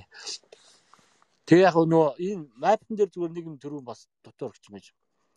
А мапн дээр бол яг төрний эбигийн чилж байгаа одоо гавн гэдэг мундаг систем байна. Геологийн маялж үйлчлэх аксын төвшин хүмүүсүүд бол хэрэгэлдэг ийм мундаг систем байна. Харамсалтай нь энэ систем маань одоо өндөр мэрэгжлийн түвшинд байна. Нэгдүгээр, хоёрдугаар технологийн хувьд халттай систем байна. За энгийн систем гэдэг ирэнгүүтэл одоо Viber юу орж ирж байна, Maps.me орж ирж байна. За тэр бол одоо жишээ нь сутаа хормоодоор очих юм бол Viber ажиллах юу Maps.me ажиллахаа болдог ч юм уу ийм асуудлууд байна. За Google бол мөн бас ийм асуудалтай байна. Гэхдээ Google бол хийж гин. За манай дотоодын хөгжүүлэлтийг нэх их хэлээд явахгүй. Тэгэхээр яг үнэндээ бол одоо тэгж газрын зураг дээр юм хайгаал зүүмлээл жижиг гэл нэг аялын төлөвлөгөө гаргах гэж 2 3 хоног явах бол харин биш юм байна. Харин зүгээр л уцаа гаргаж ирээл одоо яг энэ одоо iPhone дээр ярьдаг шиг Siri-г асаагаал за би ийм одоо юу гэдэг тал нутагтай бол одоо юу гэдэг говь хангаа хосолсон ийм нутаг дээр очимоор байна гээл амаараа ярихад нөгөөдг нь шууд хөрвөгдөөл хайгаал гарч ирээд тэр map zap бол хэрэггүй ерөөс зүгээр л нэг номерт та тэгж очино хоёр номерт 200 км-ийн дараа та төм зогт дээр очино за төм зогтын цаа 30 км дээр хөлбөмбөр орно. Да да да да да гэж ерөөсөө 1 2 3 4 5 ингээл 10 цэгүүдийг гараад тэрийг нэмж хасаал километрийн тооцоо зардлыг нь програм автоматар гаргаад тэгэл коноп дараал старт гэж тэгэхэд харин тэр map нь орж ирээл За та одоо баруун зүүн тийшээ иргэн шүү тэнд явж шүү гэд. Ер нь бол map бол яг аял жуулчлалтээр бол зүгээр юу штэ одоо зүгээр л ийм ном баггүй зүгээр ийм ном дээр цэг авиж шатгаж байгаа болохоос тэрэн дээр нэг их цаг нөхцөөгөөл доош дэшегээ хараад ах бол шалтгаан байхгүй гэж бол биднээс бол үзэж байгаа. Тэгэхээр хамгийн үн цэнтэй юм нь болохоор яг одоо төмөн дээр дугууны дугуй засвар газар байна уу байхгүй байна уу шатгуун байна уу байхгүй байна уу хар зүрхний хөх нууран дээр очихоор аллергитэй хүн дээр ямар реакц үзүүлэх үү тэнд хонох уу эсвэл шууд дайраад гарах уу. За тэгээд километрийн хүрээнд тэхүү ингэхүү саяны таны ярьсан нуур байна уу байхгүй юу гэдэг энэ мэдээлэл нь илүү чухал юм болов уу гэж энэлүүл илүү анхаарал төвлөрөө. А map zap-ыг бол одоо манай iTunes хийж байгаа эсвэл Google хийгээд тэрийг яваад аваа явчихна л гэсэн ийм зорилго. За уучлаарай зохисгоо байгаа учраас буулгачихлаа шүү. Өөрөө тэгээд яаныз.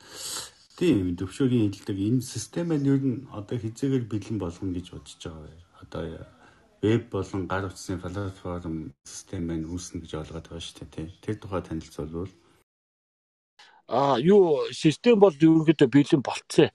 Аа эхлээд бол гар утасны програм бол хийгээг байгаа. Аа ерөнхийдөө бол нөгөө веб дээр явж байна. Веб дээр бол вебээрээ ч гэсэн гар утсаар орчих учраас ерөнхийдөө гар утасны хайвыг бол хоёрдугаар тавьж хагаад интернет дээр байршуулах нь гол чухал. Тэгээд тэр дата бүрдүүлгээ сая зөв бүсийн дата авцаа. За баруун бүсийн датаг бол ерөнхийдөө шууд яваад үзсэн болохоор шууд мапн дээр харж байгаа. Заавал дахиж очихгүйгээр шууд шууд аваад саяны шиг AB шиг хүмүүстэй ингээд нийлээд датагаа өгье гэсэн хүмүүстэй хамтраад ингээд аялал жуулчны датаг бол босгоод ирж байгаа. За ингээд систем дээр тавиад би ингэж бодож ерөнхийдөө дараагийн 100 ковид бол алга болох байлгүй одоо энэ ч одоо. Тэгэнгүүт гадны жуулчлалыг дотоодын жуулчлал руу хандаад системээ бол гадны жуулч гэдэг үгээс нэг 11 сарын хавцаа гаргаад тэгээ 11 сар 12 1 сар 2 сар 3 сар 4 сар хүртэл одоо орж гарддаг мэдээлэл авдаг дада дада ингээд яваад тэгээд яг 6 сараас нөгөө аялал жуулчлалын цаг маань эхлэхээр яг бүрөө өөртөө хэрэглээд байгаа. Тэгэхээр бидүүсийн зүгээс бол 11 сартаа бол бүрэн тавиад тэгээ яг хүн хэрэглэх нь болохоор өвлийн амралтыг түрүү тооцохгүй бол зунаас гэх юм бол зунаа бол одоо хэрэглээд хүн бол явах байхаа. Биднээс бол өөрсдийн зүгээс бол 11 сартаа тавина гэсэн.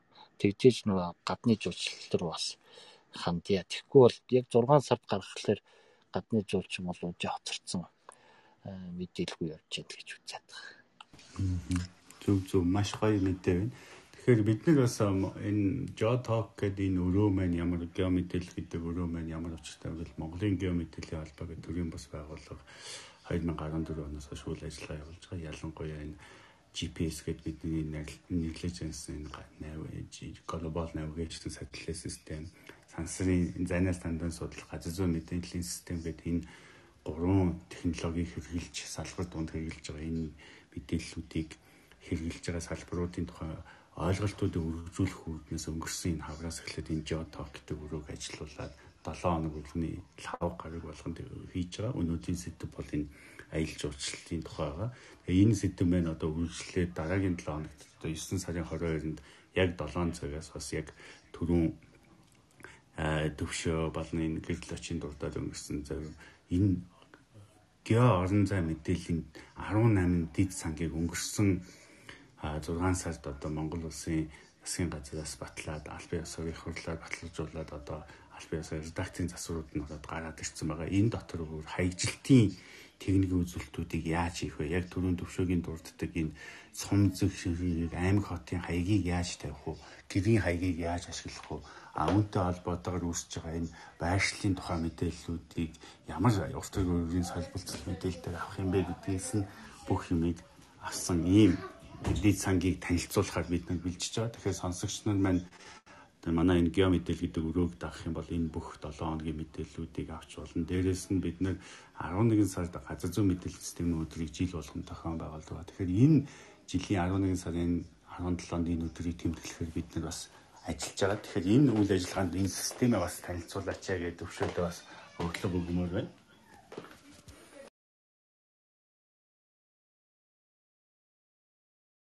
За баярлалаа. Тэгэлгүй яг ийм гоё арга хэмжээнүүд дээр бидээс байнга оролцож биенээсээ суралцаж явах нь туйлын зөв. А ер нь бол би ингэ зүгээр яг энэ дэр энэ гадны хүмүүсэд зориулсан вебсайт дотоодын хүмүүсэд зориулсан вебсайт гэх хоёр тустай юм явахгүй бол бас болохгүй юм. Яг системийн хувьд бол нэг байж болно.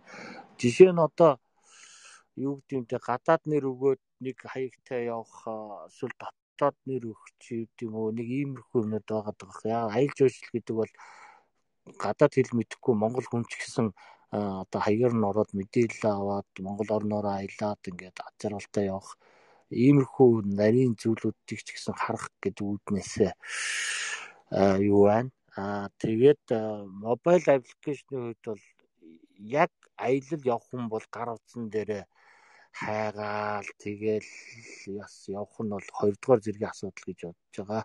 А яг харин аялал дээр гараад аялын маршрут тодорхой төлөвлөгөө гарчлаа ингэж явна гэдгээ одоо багаараа ч юм уу гэр бүлэрээ шийдчихлээ. А тэгээ яг гарч байхад бол харин тэр мэдээлэл яаж гар утсан дээр нь авчиж явдал дунд нь хүрэх үү гэд. Тэг яг бидус ингэж бодож яг бидус iTunes идэвстэй бол ярина бусад компаниудтай бол ярина тэр мэдээллийг дээр яаж зоох зоох уу гэдгийг ярина. А цаашлах бол бидус Viber-т юу Maps-тэй ч гэсэн холбогдно. Холбогдоод өөр системүүд байна те бас монголчууд хэрэгэлдэг. Тэр системүүд дээр яаж өгөгдөл солилцоогоо хийж одоо хэрэглэх заавал манай аппликейшноор ороод нэг Монгол улсын аяллыг хөтлөд авах биш. Maps-ний дээрээ ч гэсэн одоо өөрөө тасцсан бол тэрэн дээр манай мэдээллийг аваад тэгэл тэр Maps-ийг хэрэглээ явж болно гэсэн. Иймэрхүү бас зохицуулт бас хараад байгаа шүү. За баярлалаа. Бид нэг уг нэг цаг гэж төлсөн. Тэгээд энэ яриа маань нилээ урт өнзөр чинь тэгээд сүүлийн асуултыг базаргаагаас асуугаарай гэж микрофоныг шилжүүлье. За баярлалаа.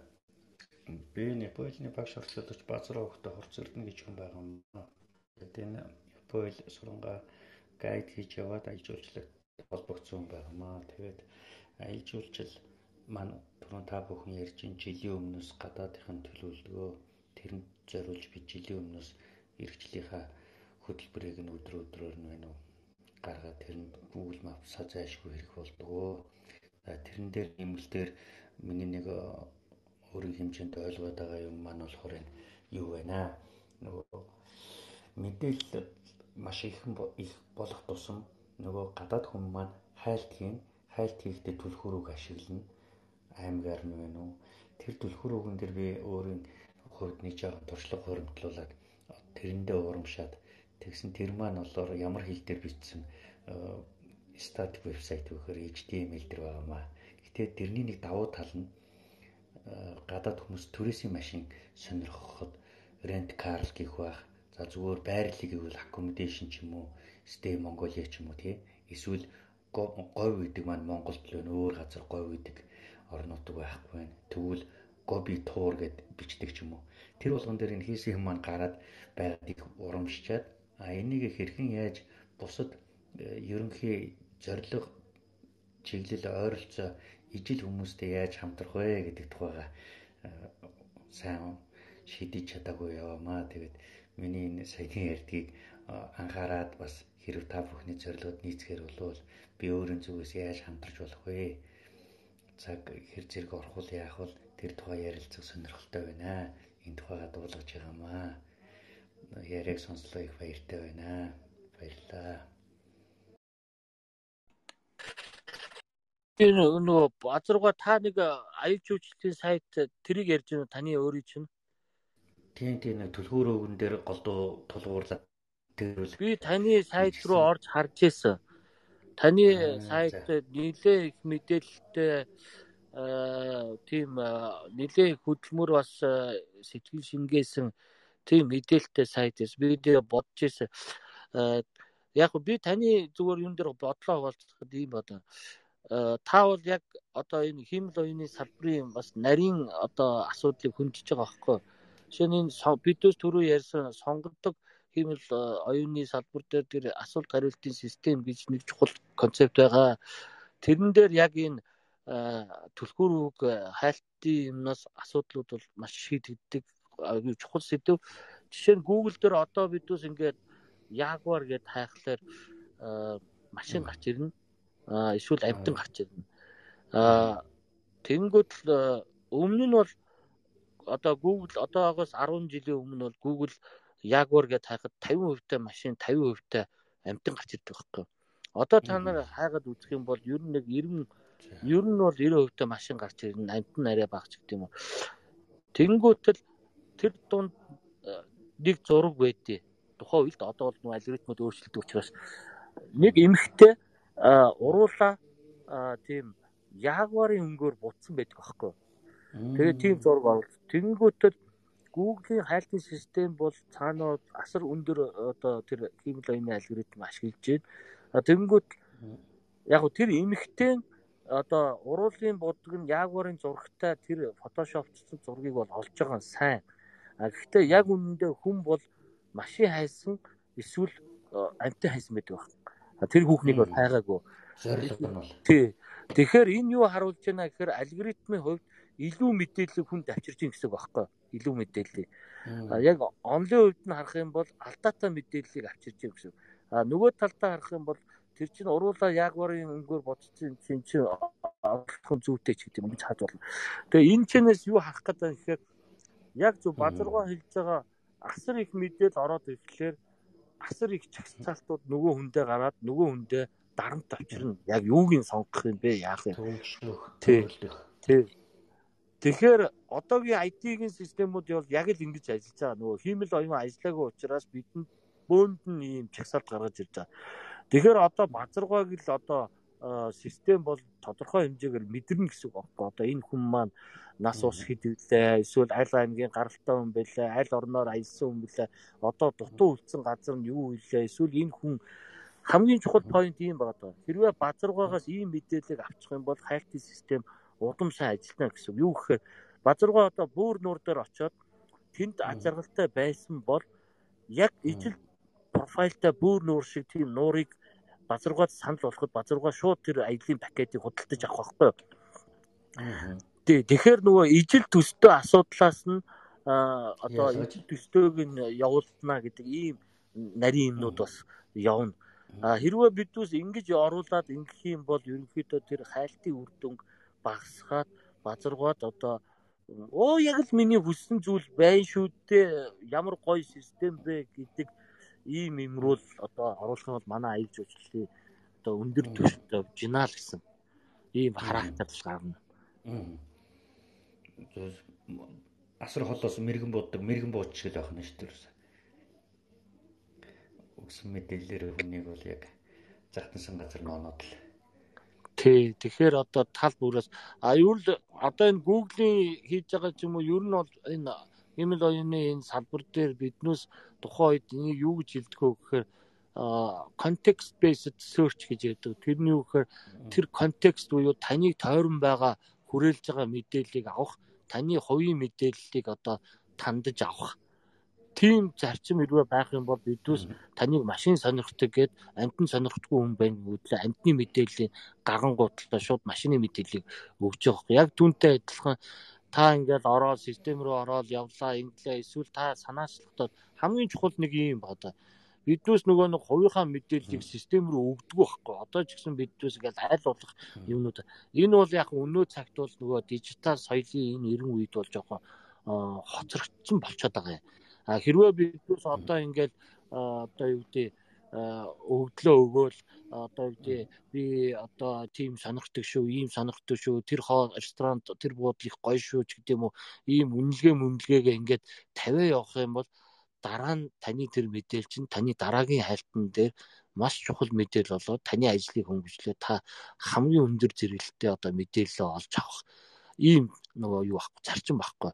Тэгэхээр нөгөө талаас хүнээ бас өдөөгөөд та энэ мэдээлэлээ сайн оруулаарай, сайн хэрэглээрэй гээд тэгээд төр хугацаанд одоо тэр хүндээ хэрэгтэй мэдээлэлээ нийлүүлээл тэгэл одоо явж сайжирна л та систем шууд одоо төгсөн бас харахад хүндрэлтэй нэг датагаас хамаарах учраас тий та бол их нарийн бас. Та бол баг нөгөө нэг одоо юу гэдэг тэр индексчлэл гэж ярьдаг нь хайлтын keyword авчлаа яа өөрөө хийгээд баг та хиймэл оюун бас хийгээд идэх гэсэн үг байхгүй юу Тэгээ нэл гэсэн. Би энэ японочдын базар ахад баярлаа.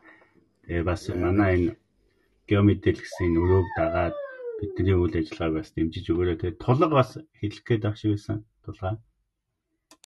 Би бас энэ салбарын үнэлтэй. Тэгээд энэ жоохон хоцорж ажиллаж энэ өрөөнд. Тэгээ асуух юмнууд байна л да. Энэ одоо яг лайф лайф явагддаг шүү дээ. Жишээ нь одоо би одоо моцорклын айлт явагдаж байна. Манай дөрөвчин одоо толгой сэргийлэх гараа авчлаа. Араас нь хөтөж баг явж байгаа. Сүүлд очиж байгаа галтгооны баг дээр явж байгаа. Бид нар тус тусдаа мэдээлэл системт явж байгаа шүү дээ. Тэгээ бид нар төөс бид нар удирдах хэрэгтэй төрүүлж гарсан толгой сэргийлэхээ. Ягаад гэвэл нар ерөөсөө тийм бүгд оф роуд илүү хурдтай явдаг моцорклын айлууд бол шал ондоо явагдана айлал маань. А төв бол дандаа голыг нь барьж явна. Арын хэсгийнхэн бол нөгөө хангамжийн хэсэг болохоор бас ондоо явж байгаа. Иймэрхүү тохиолдол байдаг л та. Яг энэ дээр бол яг наривчлалтай GPS систем хэрэг Монголд бол бид нар голцуушаал ондоо системүүдийг ашигладаг. Би энэ одоо газрын зураг яагаад гэвэл гол аялын зорилго маань засмал зам дээр айл болох бага аялах голцоо оффроуд ажиллаж байгаа болохоор тэгээд дээрэс нь хурдтай дээд зэрэг энэ яг энэ зорилготой тонголсон машин техникүүд эсвэл мотоциклээ илүүж явагддаг болохоор яг ийм GPS систем маш хэрэг болдог. Хэрвээ бид нар одоо хоорондоо код шүү дээ бас тэдэн километр радиус дотор чи хэрвээ зүг чирээ алдах юм бол эргэж буцаж уулзах одоо point нь юу вэ? Эргэж хаана бид нар огтлцлын цогууд одоо бидний огтлцлын цогууд ямар байх хэрэгтэй вэ гэдэг баг нэг тийм нарийн ярьж байгаад өглөө болгоод sit down хийж байгаад хоорондоо ярилцж байгаа тэгээ хөдөлт хөлтөд ийм экстрем айлууд байдаг. Тэгээ энэ хийж байгаа одоо танилцуулж байгаа системийн талаар тайлбарлаж өгөөч. Энэ бидэрт би жоохон оцроод ирсэн болохоор нэг оцроо ороод ирсэн болохоор сайн ойлгосонгүй. Энэ тал дээр ажиллаж байгаа юу яг Монгол манай зүгээс юм гоо систем байдаг бол тэгвэл бүр их баяртай юм байхгүй юу? олзуулмаар айгуу гоё юм гарч ирж байгаа юм шиг сонсогдоод байгаа. Тэгээ тайлбар өгч л гэж хүсэж байна.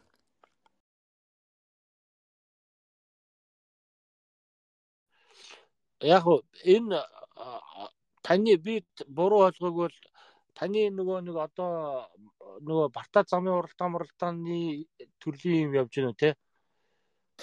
Ер нь уралдаан бол биш гэхдээ тодорхой хэмжээгээр яг нэг тийм уралдаанд оролцох залуу насндаа уралдаанд оролцож байсан эсвэл хэд залуу эсвэл арай яг тэр уралдаанаас оролцох төвшнгөөс гарсан хүмүүс их бас оролцдог байхгүй юу? Одоо уралдах нас нь өнгөрсөн эсвэл уралдаанд оролцохын тулд бэлдэж байгаа залуу үе гэсэн хүмүүс тийм аялуудаа сүүлийн жилүүдэд би явж байгаа юм аа.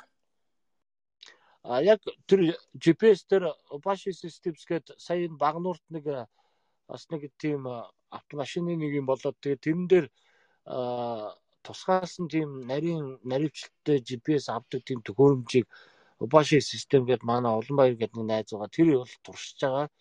Тэр яг тэр ат замын, барта замын уралдааны янз бүрийн холбоо энэс захиалга аваад тэгээд тэдний хэрэгцээнд зориулаад тийм систем бол явж байгаа. Хүсвэл би таныг холбоод өгч болно. А манай систем болохоор а юу гэхээр ийм зарчмаар ерөнхийдөө явж байгаа. Юу гэхээр map бол одоо байна. Одоо хийцэн олон map-ууд байна гэж үзэж байгаа. Нэгдүгээрх нь хоёрдугаарх нь GPS координат системүүд бол байна.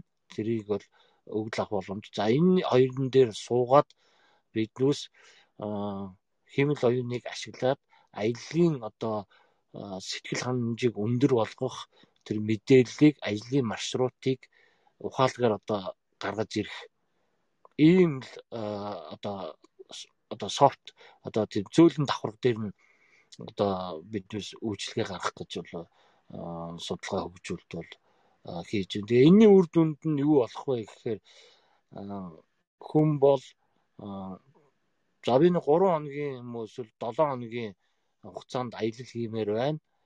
Ийм ийм ийм одоо хүсэл надад байдаг. Тэгээд намайг залаад явна уу гэхтэл биднээс одоо хамгийн өндөр одоо сэтгэл ханамж авахар тэр маршрутыг биднээс зохиож гаргана. Тэгээд тэр маршрутынхаа дагуу одоо хүн удирдагдаад одоо нөгөө мап дээр хүн юм хараад тэгээд явах газруудаа яваад үзээд ингээд орно. За энийг мэдээж энэгээрээ бол бидээс 50 энэ 11 сард одоо бол бидээс дотооддоо мэдээлэл бүрдүүлээд явж байна. За тэгээд дараагаар нь бол тэр нөгөө оцсон газрын мэдээллийг унших тэр Япон хэл дээр унших уу эсвэл монгол хэл дээр унших уу яг үеийнхөө тэр ялалт хөшөөн дээр очиод халахын голын дай хөндөй дээр очиод хин надад тайлбарлах уу гэхээр гар утас чинь тантай яриад одоо та ийм газар ирсэн байд ийм түүхтэй ийм хөшөөтэй ийм түүх дурсгалтай гэж юм уу.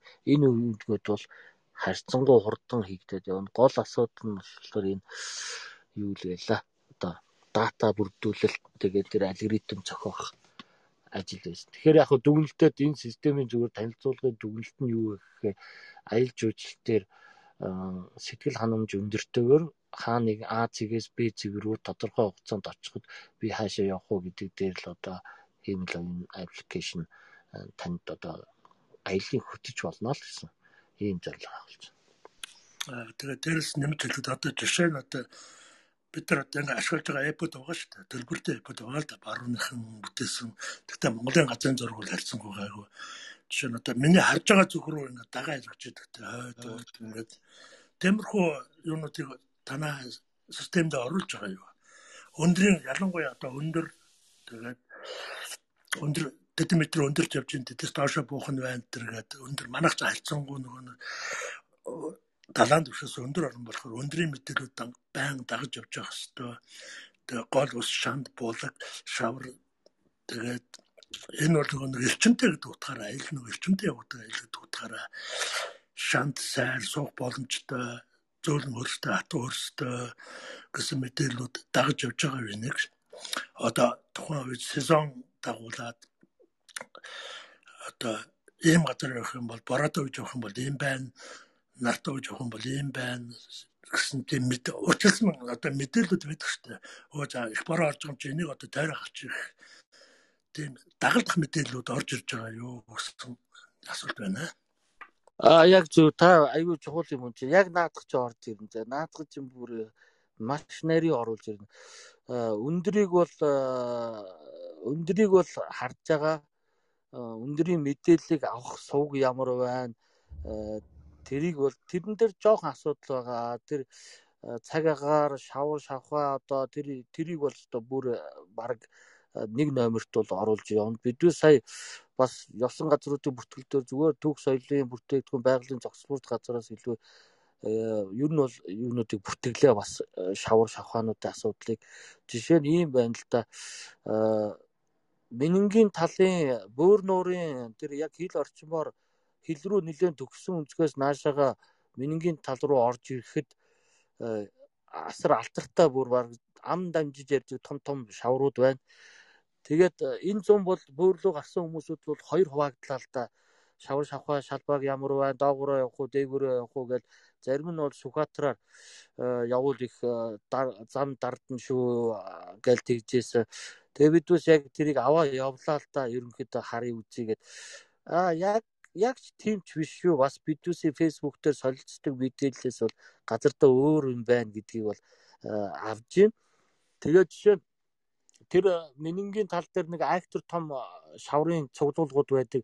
Тэгээд тэрний зургийг аваад Facebook дээр дэлхийгээр аялдаг групп дээр би зүгээр сонирхуулаад яг энэ зэг дээр асар том одоо шавар бай шүү та бүхэн болгоомжтой яваарай гэсэн чинь төд удалгүй. Шөнийн би ч одоо нэг цагийн хавтай зүгээр нэг ажиллаа хийж байгаа санамсаргүй тавьсан чинь нэг цаг хэдэн минутын дараа нэг хүн яг энэ шавар дээр суудсан туслах хүмүүсүүд байна ойр хавд гэд игээд байж эс. Тэгээ яг аа харамсалтай нь тэр хүмүүсүүд рүү одоо яг хэрв зэн одоо минингийн тал дээр маш олон замууд байгаа.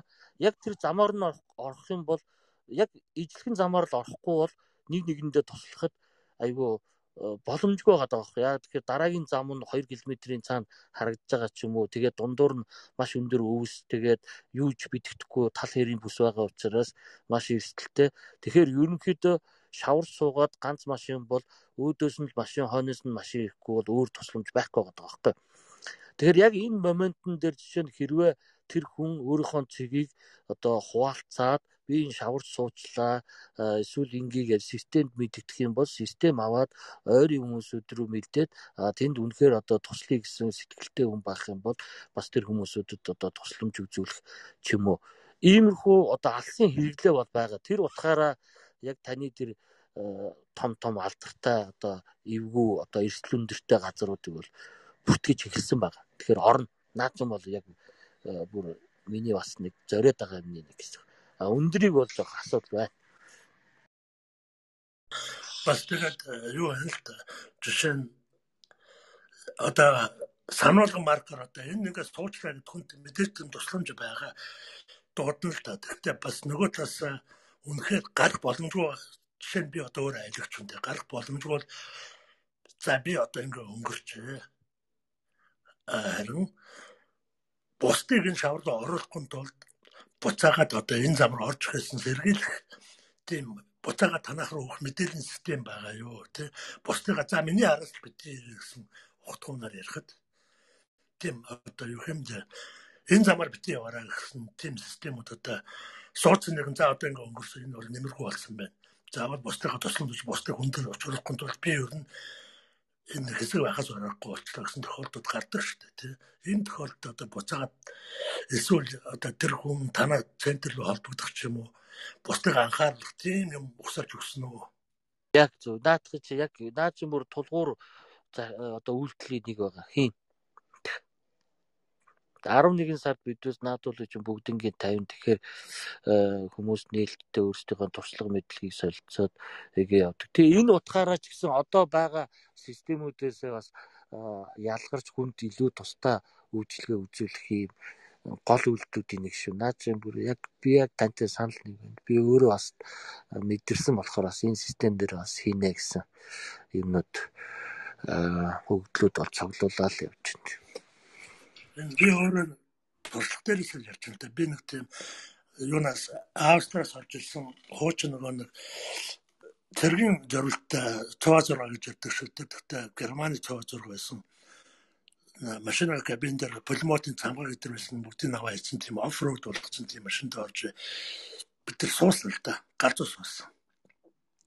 Одоо одоо би биеэр үзэх сая би явахдаа Доронтын Менингийн талд Менингийн отряд гэж отрядаас хөдлөөд Чабс руу явж хахад маш олон зам бий.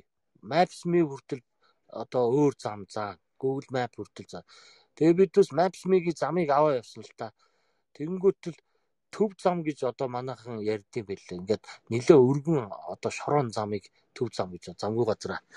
Тэнгүүд тэр зам дээр бидээс зам урд байгаад хахад тэр замыг авах уу гэсэн чинь Maps.me өөр заагаадсан байхгүй. Өөрсөн. Тэнгүүтэл нь за Maps.me-г л дагъя. Яг юугаа харъя гэд.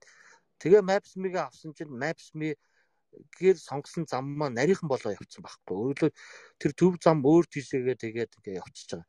Тэгээ бодож байгаа. За энэ буруу юу зүв. За юу ч гэсэн яв. Тэгээ яваад шаварч суусан л да. Тэр нарийн замаар Maps.me-гийн замаар явж байгаа. Тэгээ яг тэр зам чинь нарийн зам байсан учраас тэгээ одоо бодвол яг төв зам биш болчихж байгаа. Тэгэхээр тэргээр өөдөөс машин ирээгүй, хойноос машин ирээгүй бол одоо би жишээ нь тэр шаварнаас гарахгүй байсан байхгүй. Тэгээ машин ирэхгүй тэр чинь шөнийн бас 23 цаг гээд 22 дөнгөж өнгөрөөл харахгүй болчихж байгаа юм чи. Тэгээ яасан бэ гэхээр за эсвэл үр цайталд хүлээн, гэгээ ортод хүлээн. За тэгээ гэгээ ороо хүлээгээд яахад тэргээр машин явахгүй тэр чинь зөндөө олон зам байгаа юм чи дорнд бөөрлөө явж байгаа машинууд өөр замаар явчихад би тэрийг зогсоож чадахгүй байхгүй шүлжээ байхгүй хин нэгнтэй би холбогдож чадахгүй. Тэгээ надад ямар гарч байсан гэхээр зүгээр л энийг хурдан энэ шаврыг зайлуулаад гарахаа бодъё гэд. Тэгэл би хувцас тавьж байгаа шаврын дунд үзэлцсэн. 2 цаг би шавар ухсан. Шавар ухангууд нөгөө уснууд нь э, орж ирээд харанхуу. Тэгээ яалаа шум болон дийлдэхгүй. Тэнгүүтэл би шавра шаал зайлах нөгөө ус нь орж ирээд юус бол. Тэгээ би сүулдэ ийм юу гаргаад ус зайлуулдаг юм одоо дамждаг юм нэг юм нуур шиг жижигхэн юм цөөрөм шиг юм хийж байгаа.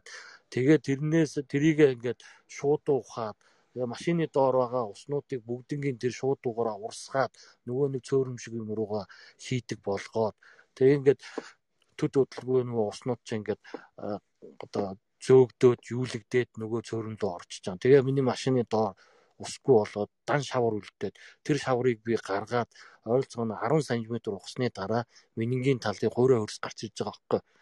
Тэгэл тэр хуурай хөрс гартал нь шаврыг нь зайлуулж байгаа л тэгэл 2 3 хаас гიშгэл гарсан л та. Тэгээ иймэрхүү туршлага эсвэл яг энэ цэг тэгээ энэ цэгийг ингээл бүртгээл гарч байгаа одоо энэ Манингэ отродын ойрд энд байх шүү. Яг Maps.me-гийн энэ зам дээр ийм шавар байх шүү. Энэ одоо болгоомжтой байгаар ашиг гэдэм үү. Иймэрхүү байдлаар бүр хий гэж одоо тэгээд датануудыг бол бүрдүүлсэн. Тэгээ энийг бол мэдээж бидүүс бол яг нөө түүчээ болоод сэтлүүхүүднээс ингэж дата оруулах нөхөс Монгол улсын бүх шавартай газрыг оруулж чадахгүй учраас яг таны хэлдэг хүн өөрөө ороод нэг нэгэндээ анхааруулад энэ дата бүрдүүлэлтийн механизмыг гаргаж өгчээж энэ систем өөрөө амьдрах. Тэгэхээр таны наад ч юм бол нэг номероо бол одоо орж бидний хэрэгцээг хангана л гэсэн. Тэгээ одоо ингээд жуулчлал явж байгаа хүмүүс ч одоо бид нар ч хоорондоо дандаа холбоотой ярьдаг байхгүй. Жишээ нь одоо ангийн ангийн талаар явж байгаад одоо тэр евро өмнө говийн болон сам руу ороход юу байгаа шүү дээ. Ангийн талд уусаад дунд нэг улаан шавар гэдэг хэлдэг шүү дээ. Шавар бүр алдартай шавар. Өөр өөр ангаа талаасаа явж та хийж гэнэ үү те? Тэгээ өөр ангаатаас өмнө өөрөө хойноосоо урагшаа явж байхгүй юу? Аа 30 ус хавцаа явж гэнэ үү? Үгүй 30 ус биш ээ бүр ондод одоо өнгийн хэдээс гараа явж байгаа байхгүй өнгийн голоо дагаад. Аа за. Өнгийн голоос дагаад дагаж яваад энэ ч одоо нэг аялал жуулчлалын гол одоо замуудын нэг шүү дээ. Тэгээ манлав шүү дээ. Манлавгаас жоохон баруун тагаар гараад манлавгаараа арайч ордог манлавгаас баруун тараач гардаг онгийн гол очиод нөгөө төгсдөг баян нуур гэж байсан. Одоо энэ жил тэр ус нь онгийн гол очиж юм байна нууранда. Тэр бол их алдартай улаан шавар гэдэг. Тэгээ ярсандал аль юм бол шавар ямар байна гэж бүр зүрхэн зарцсан тий. Шаврын хаагур гарсан гэж хоорондоо дандаа ярьдаг тий. Энэ жишээний одоо мэдээллүүд яг тодорхой хэмжээний мэдээллүүд лайфтайм байвал их зүгээр гэдэг л да. Одоо бидний хэрэглэж байгаа ганц мэдээлэл юу гэхээр тухайн үед явж байгаа одоо нэг хүн хүндээ хандах мэдээлүүд гэдэг байхгүй юу. А та хаана явж гэн тэр чиглэл гарсан уу? Шавар ямар байсан бэ? А бороо хэрэг оров гэд ер нь банк бизнес асууж л ер нь явж тэгжээж өмнө гойс болгоноор очдог байхгүй юу? Одоо баян цаг биш үү те? Баян цаг болгон рүү очдог л да. Алдартай шаврууд биш үү? Одоо хуучин одоо ховд модын тэр зэрэг мэрэг юуны тэр шаврууд бас тэрлэг шүдээ шүдээ зухаар шаврууд байдаг. Тэгээ одоо харин засмал зам тавьдаа зарим газруудаараа гоё болж байгаа. Гэхдээ говь тийшээ яг нөгөө хар хорин өмнө говийг холбосон онгийн тал дундуур гараа явдаг гол зам маань бас асуудалтай байдаг. Энэ талаар та нар бас тийм судалгаа хийсэн үү? А бор хэрэгтэй нөгөө нэг жуулчт маань шавраас цухтааж арай нэг зүүнээр гарах гэж байгаа нэг уурхаан зам руу ороо төөрөө яваад өгчдөг тийм тохиолдод их байдаг байхгүй. Энэ ер нь дуршлаггүй жолооч бол ерөнхийдөө бол айгүйх төөрдөг замуудын нэг. Тэгэхээр энэ бас нэг яг энэ одоо жуулчны компанид ажилласан туршлагатай орон жил өссөн жолооч нараас мэдээл хэр цуглуулсан бэ гэж асуумаар байна бас. Төсөлд нь.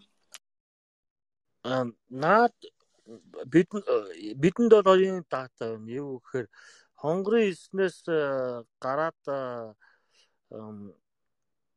арц богдын нурууг даваад тэгээд өөрөнгө богд руу ороод богдоосоо 30 усаар дээшээгээ хар хорнолоо явж байхад явж байгаа дата бол бас нэлээд нарийн авсан байгаа. А таных болохоор одоо би харж байгаа бол богд сум руугаа орохгүй байх гэж үзэж байна уу тэр Энэ бол ерөнхийдөө сүүлийн 15 20 жил явагдаж байгаа гол зам байхгүй. Хар 20 өмнө гоо гэсэн гол юу. Хуучин одоо хар өнөөс гараад тарилангийнхаа талбай дундуур ороод тэгээд нөгөө өөр ангаа Улаанбаатар болсон төв зам маань нэвт гараад аа тэгээд юуны юунд очиж байгаа штэ. Сайхан уур очиж байгаа штэ. Сайхан уугаас шууд ангийн хилд ороод ангийн хилдээс шууд ангийн тал дондор давхсаар байгаа болон сум руу очдог гол зам байхгүй. Энэ бол ерөөсөө аялал жуулч. аа за за за Гол судас болсон зам. аа зүг зүг. Наад дата ч юм бол байхгүй. А яг наадны чинь зүүн баруун тал руугаа тэр нөгөө богд сумаараа явж байгаа. Богд сумаасаас өөр ангаа булган руугаа ордог шүү дээ. Тэр хэсэг нь бол байгаа а яг та болохоор яг цагаан хуваагаас онгын хідээс юу явж байгаа юм байна те доошоо булган сум руугаа Энэ ер нь гол маршрутын нэг багхгүй хамгийн их зулжиж явдаг. 30 усаар дамжаад хар хар хадууд багаар дамжаад тэгээд явдаг л та тий. Тэр бол ерөнхийдөө бол их тэрвэр машин явах нь ховор баг жуулчин авч явах. Яг тэгвэл нөө жуулчин дагсан баазууд баг гэдэг учраас дунд нь буурлах боломж багтаа учраас богдоор орд идэвхтэй өмнө говийн хонгор хэлсээс гараа шууд богд руугаа дамжаад тэгээд 30 ус хар хадууд тэгээд тавсаар байгаад өөрөн гаруй ороод ирдэг шүү дээ тий. Тэр маршрут бол харьцангуйгаар жуулчныхны одоо сүүлийн 20 жилийн үед тэгж явдаг хэрнээ ер нь бол айгүй бага явдаг маршрут байхгүй. Маш цөөхөн явна. Тантай холбогдож наад датаг чинь бүрдүүлнэ. Наад чиг сонирхолтой юм байна. Бэнэ үү? Аасан үү. За Чинтэж орох би яг эхлээс нь сонсч чадсангүй. За тэгээ танаас бас асуухад болохоор яг программыг нь болохоор яг ямар хэл дээр бичиж байгаа вэ? Python ашиглаж байгаа юу? Эсвэл одоо яг Android дээр хөгжүүлэлт энэ бас хийгээд явж байгаа юу? Яг IT-ийн технологийн багт нь болохоор яг ямар баг дээр бас ажиллаж байгаа вэ? За сүүлд нь болохоор энэ дата бүрдүүлэлтэн дээр болохоор яг хэрхэн яаж бас энэ датаг хэн бүрдүүлж байгаа вэ? Одоо яг машинд нь болохоор GPS энэ суулгаж явдаг? Ер нь цаашдаа программын хөгжүүлэлт нь болохоор яг ямар чиг хандлагатай байх вэ? Одоо яг ингээд хэрэгжилж байгаа хүн болгоо өөрсдөө ингээд датаг ингээд апдейт хийгээд одоо бас ингээд яг явахаар байх болов уу гэдэг технологи талаас нь асуух гэсэн. За баярлаа.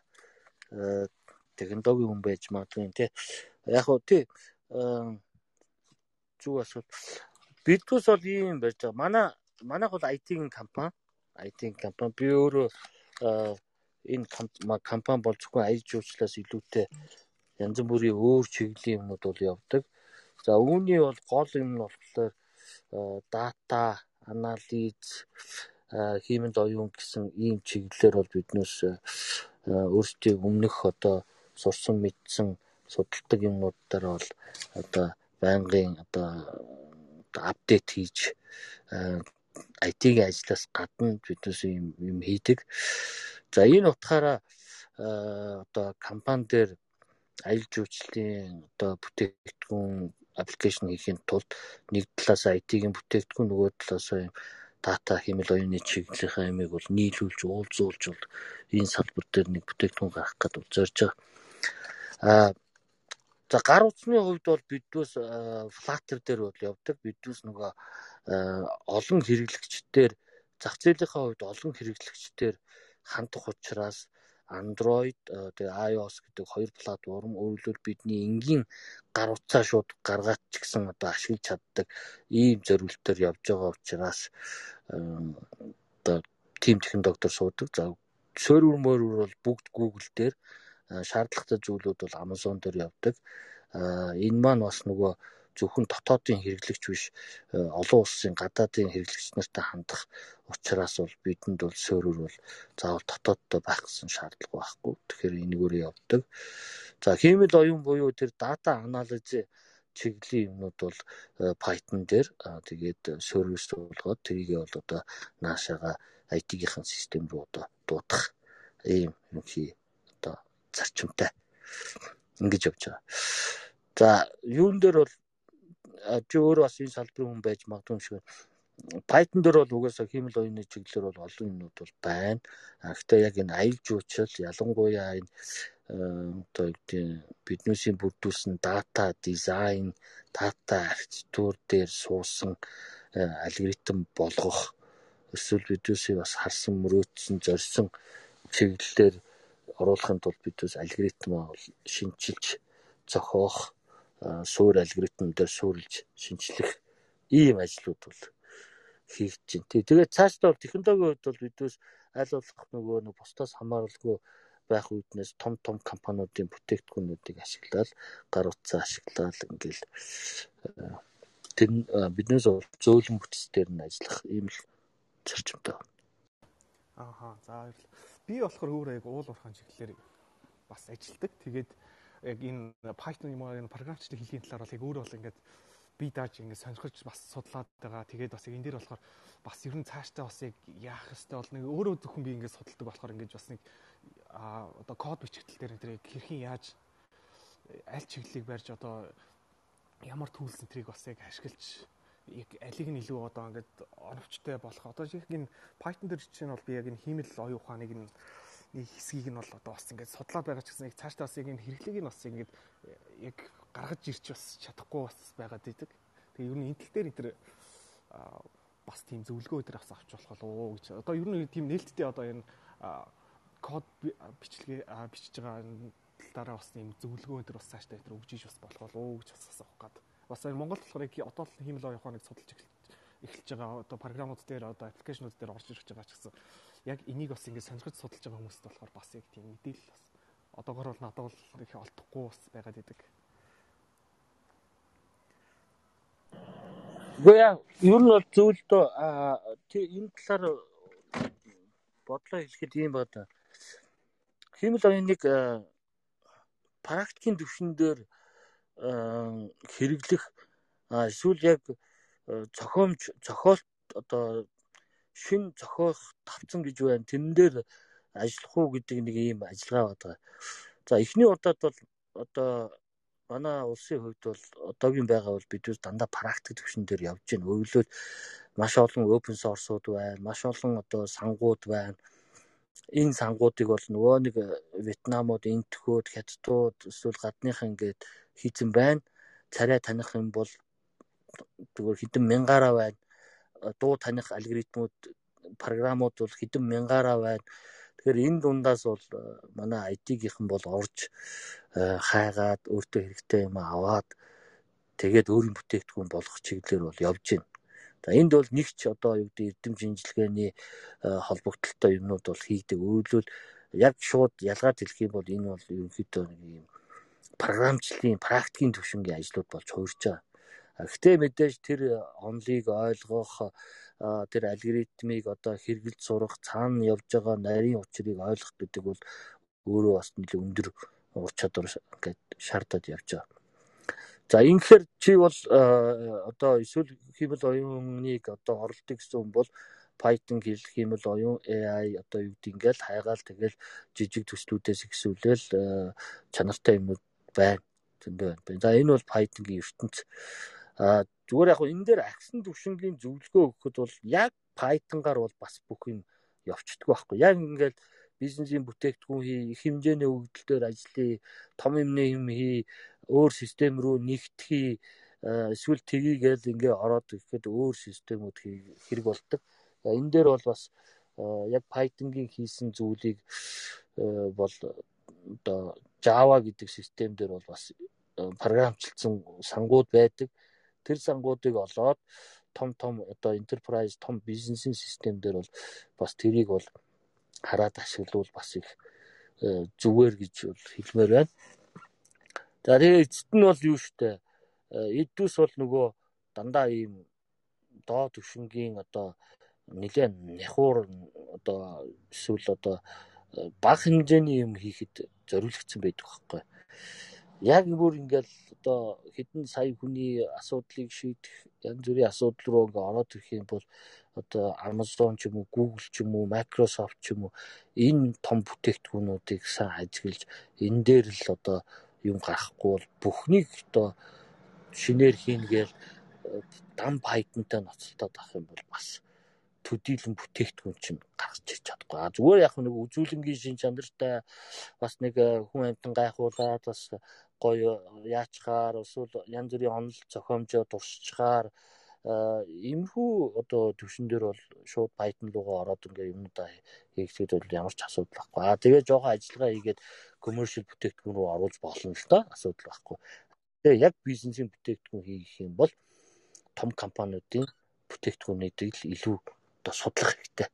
Ялангуяа одоо энэ гурван том компани Amazon, Google одоо Microsoft гурав бол асар их юмнуудыг одоо дэлхийн топ инженерүүдийг оруулж ирж хийж байгаа э, болохоор энийг бол маш сайн ажиллах хэрэгтэй.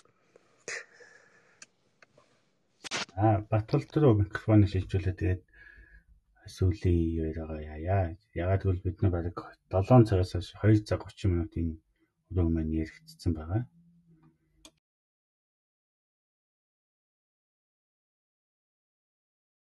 Батбол доо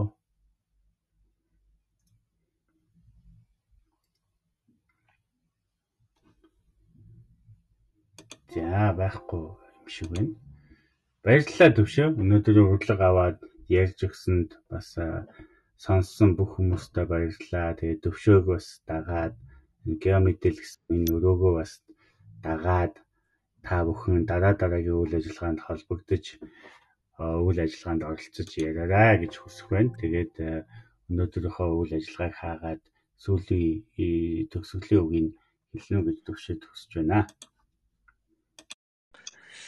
За баярлалаа. Тэгээд э, очроо энэ нөгөө э, салбарынхаа э, олон сонирхолтой ярианууд ингээ хүмүүст хүргэж байгаа талархаж байгаа. Одоо энэ удаагийн хиймэл оюуныг одоо энэ аялал жуулчлалын салбар дээр хэрэглэх талаар ярих бас сонирхолтой сэдв яриа өрнөсөнд баярлалаа. Тэгээд эцэст нь яг хуу хиймэл оюун бол одоо бүгд анхаарал тавих ёстой зүйл энэ бол одоо ер нь бол миний зүгээр яг амьдралд харснаар бол ийм аливаа том хөгжлийн тренд том одоо давлгаа энийг бол биднээс үл хамааран дэлхийн том улсууд хуралдаад тодорхой хөгжлийн замнал гаргаад тэгээ ийм явдаг ийм зүйл тэгээ энэ нь одоо ингээд 2017 оноос тэр дэлхийн эдийн засгийн формоос өксүүлээд ингээд зарлагдаад ажил дөрөв дөрөвдүгээр усгал гээд тэрний дотор орж ирж байгаа цөм одоо одоо амин сүнс нь одоо энэ хиймэл оюун болж байна.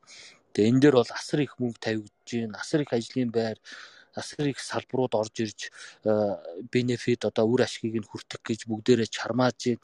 Тэгэхээр энэ том давлгаан дээр одоо суугаад бидүүс өөрсдийнхөө салбар хөгжил одоо сонирхлоор ингээд тал бүрээсээ ингээд орж энээс л одоо хүртэх хэрэгтэй. Тэрнээс одоо юу гэдэг хиймэл оюун гэж юу юм тэнд хинт хэрэгтэй явах юм бол энэ бол хоцрогдсон бодол бол болно.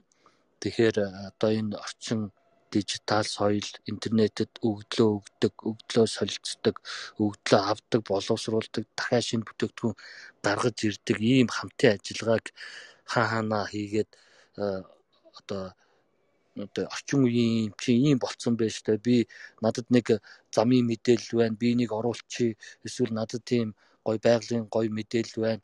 Эсвэл зүгээр нэг сайхан одоо голын хөвөн дээр суухад таатай байсан бол тэрийгэ хүртэл ингээд одоо тэмдэглэдэг тийм байх юм бол манай аялал жуулчлалт бол бас айгүй үнэтэй цэнтэй мэдээлэл болоод тэгээд тэр нь өөр нэгэн хүнд одоо үр ашиг өгдөг. Ийм л одоо тогтолцоог л энэ э, технологич нь одоо дэмжиж өгөө гэдгээр л хөгжиж байгаа болохоор энийг ажил одоо үүрэг бизнес ахуй амжилт сайхан зөв хэрэглээрээ тэгээд хамтдаа мэдээ солилцоод хөгжихэд илүү гоё юм гарнаа гэсэн юм. За тэгээд та бүхэнд амжилт хүсье. Баярлалаа. За ингээд өнөөдрийнхөө үйл ажиллагааг өн төгсгöd хаяа. За баярлалаа та бүхэнд. За баярлалаа.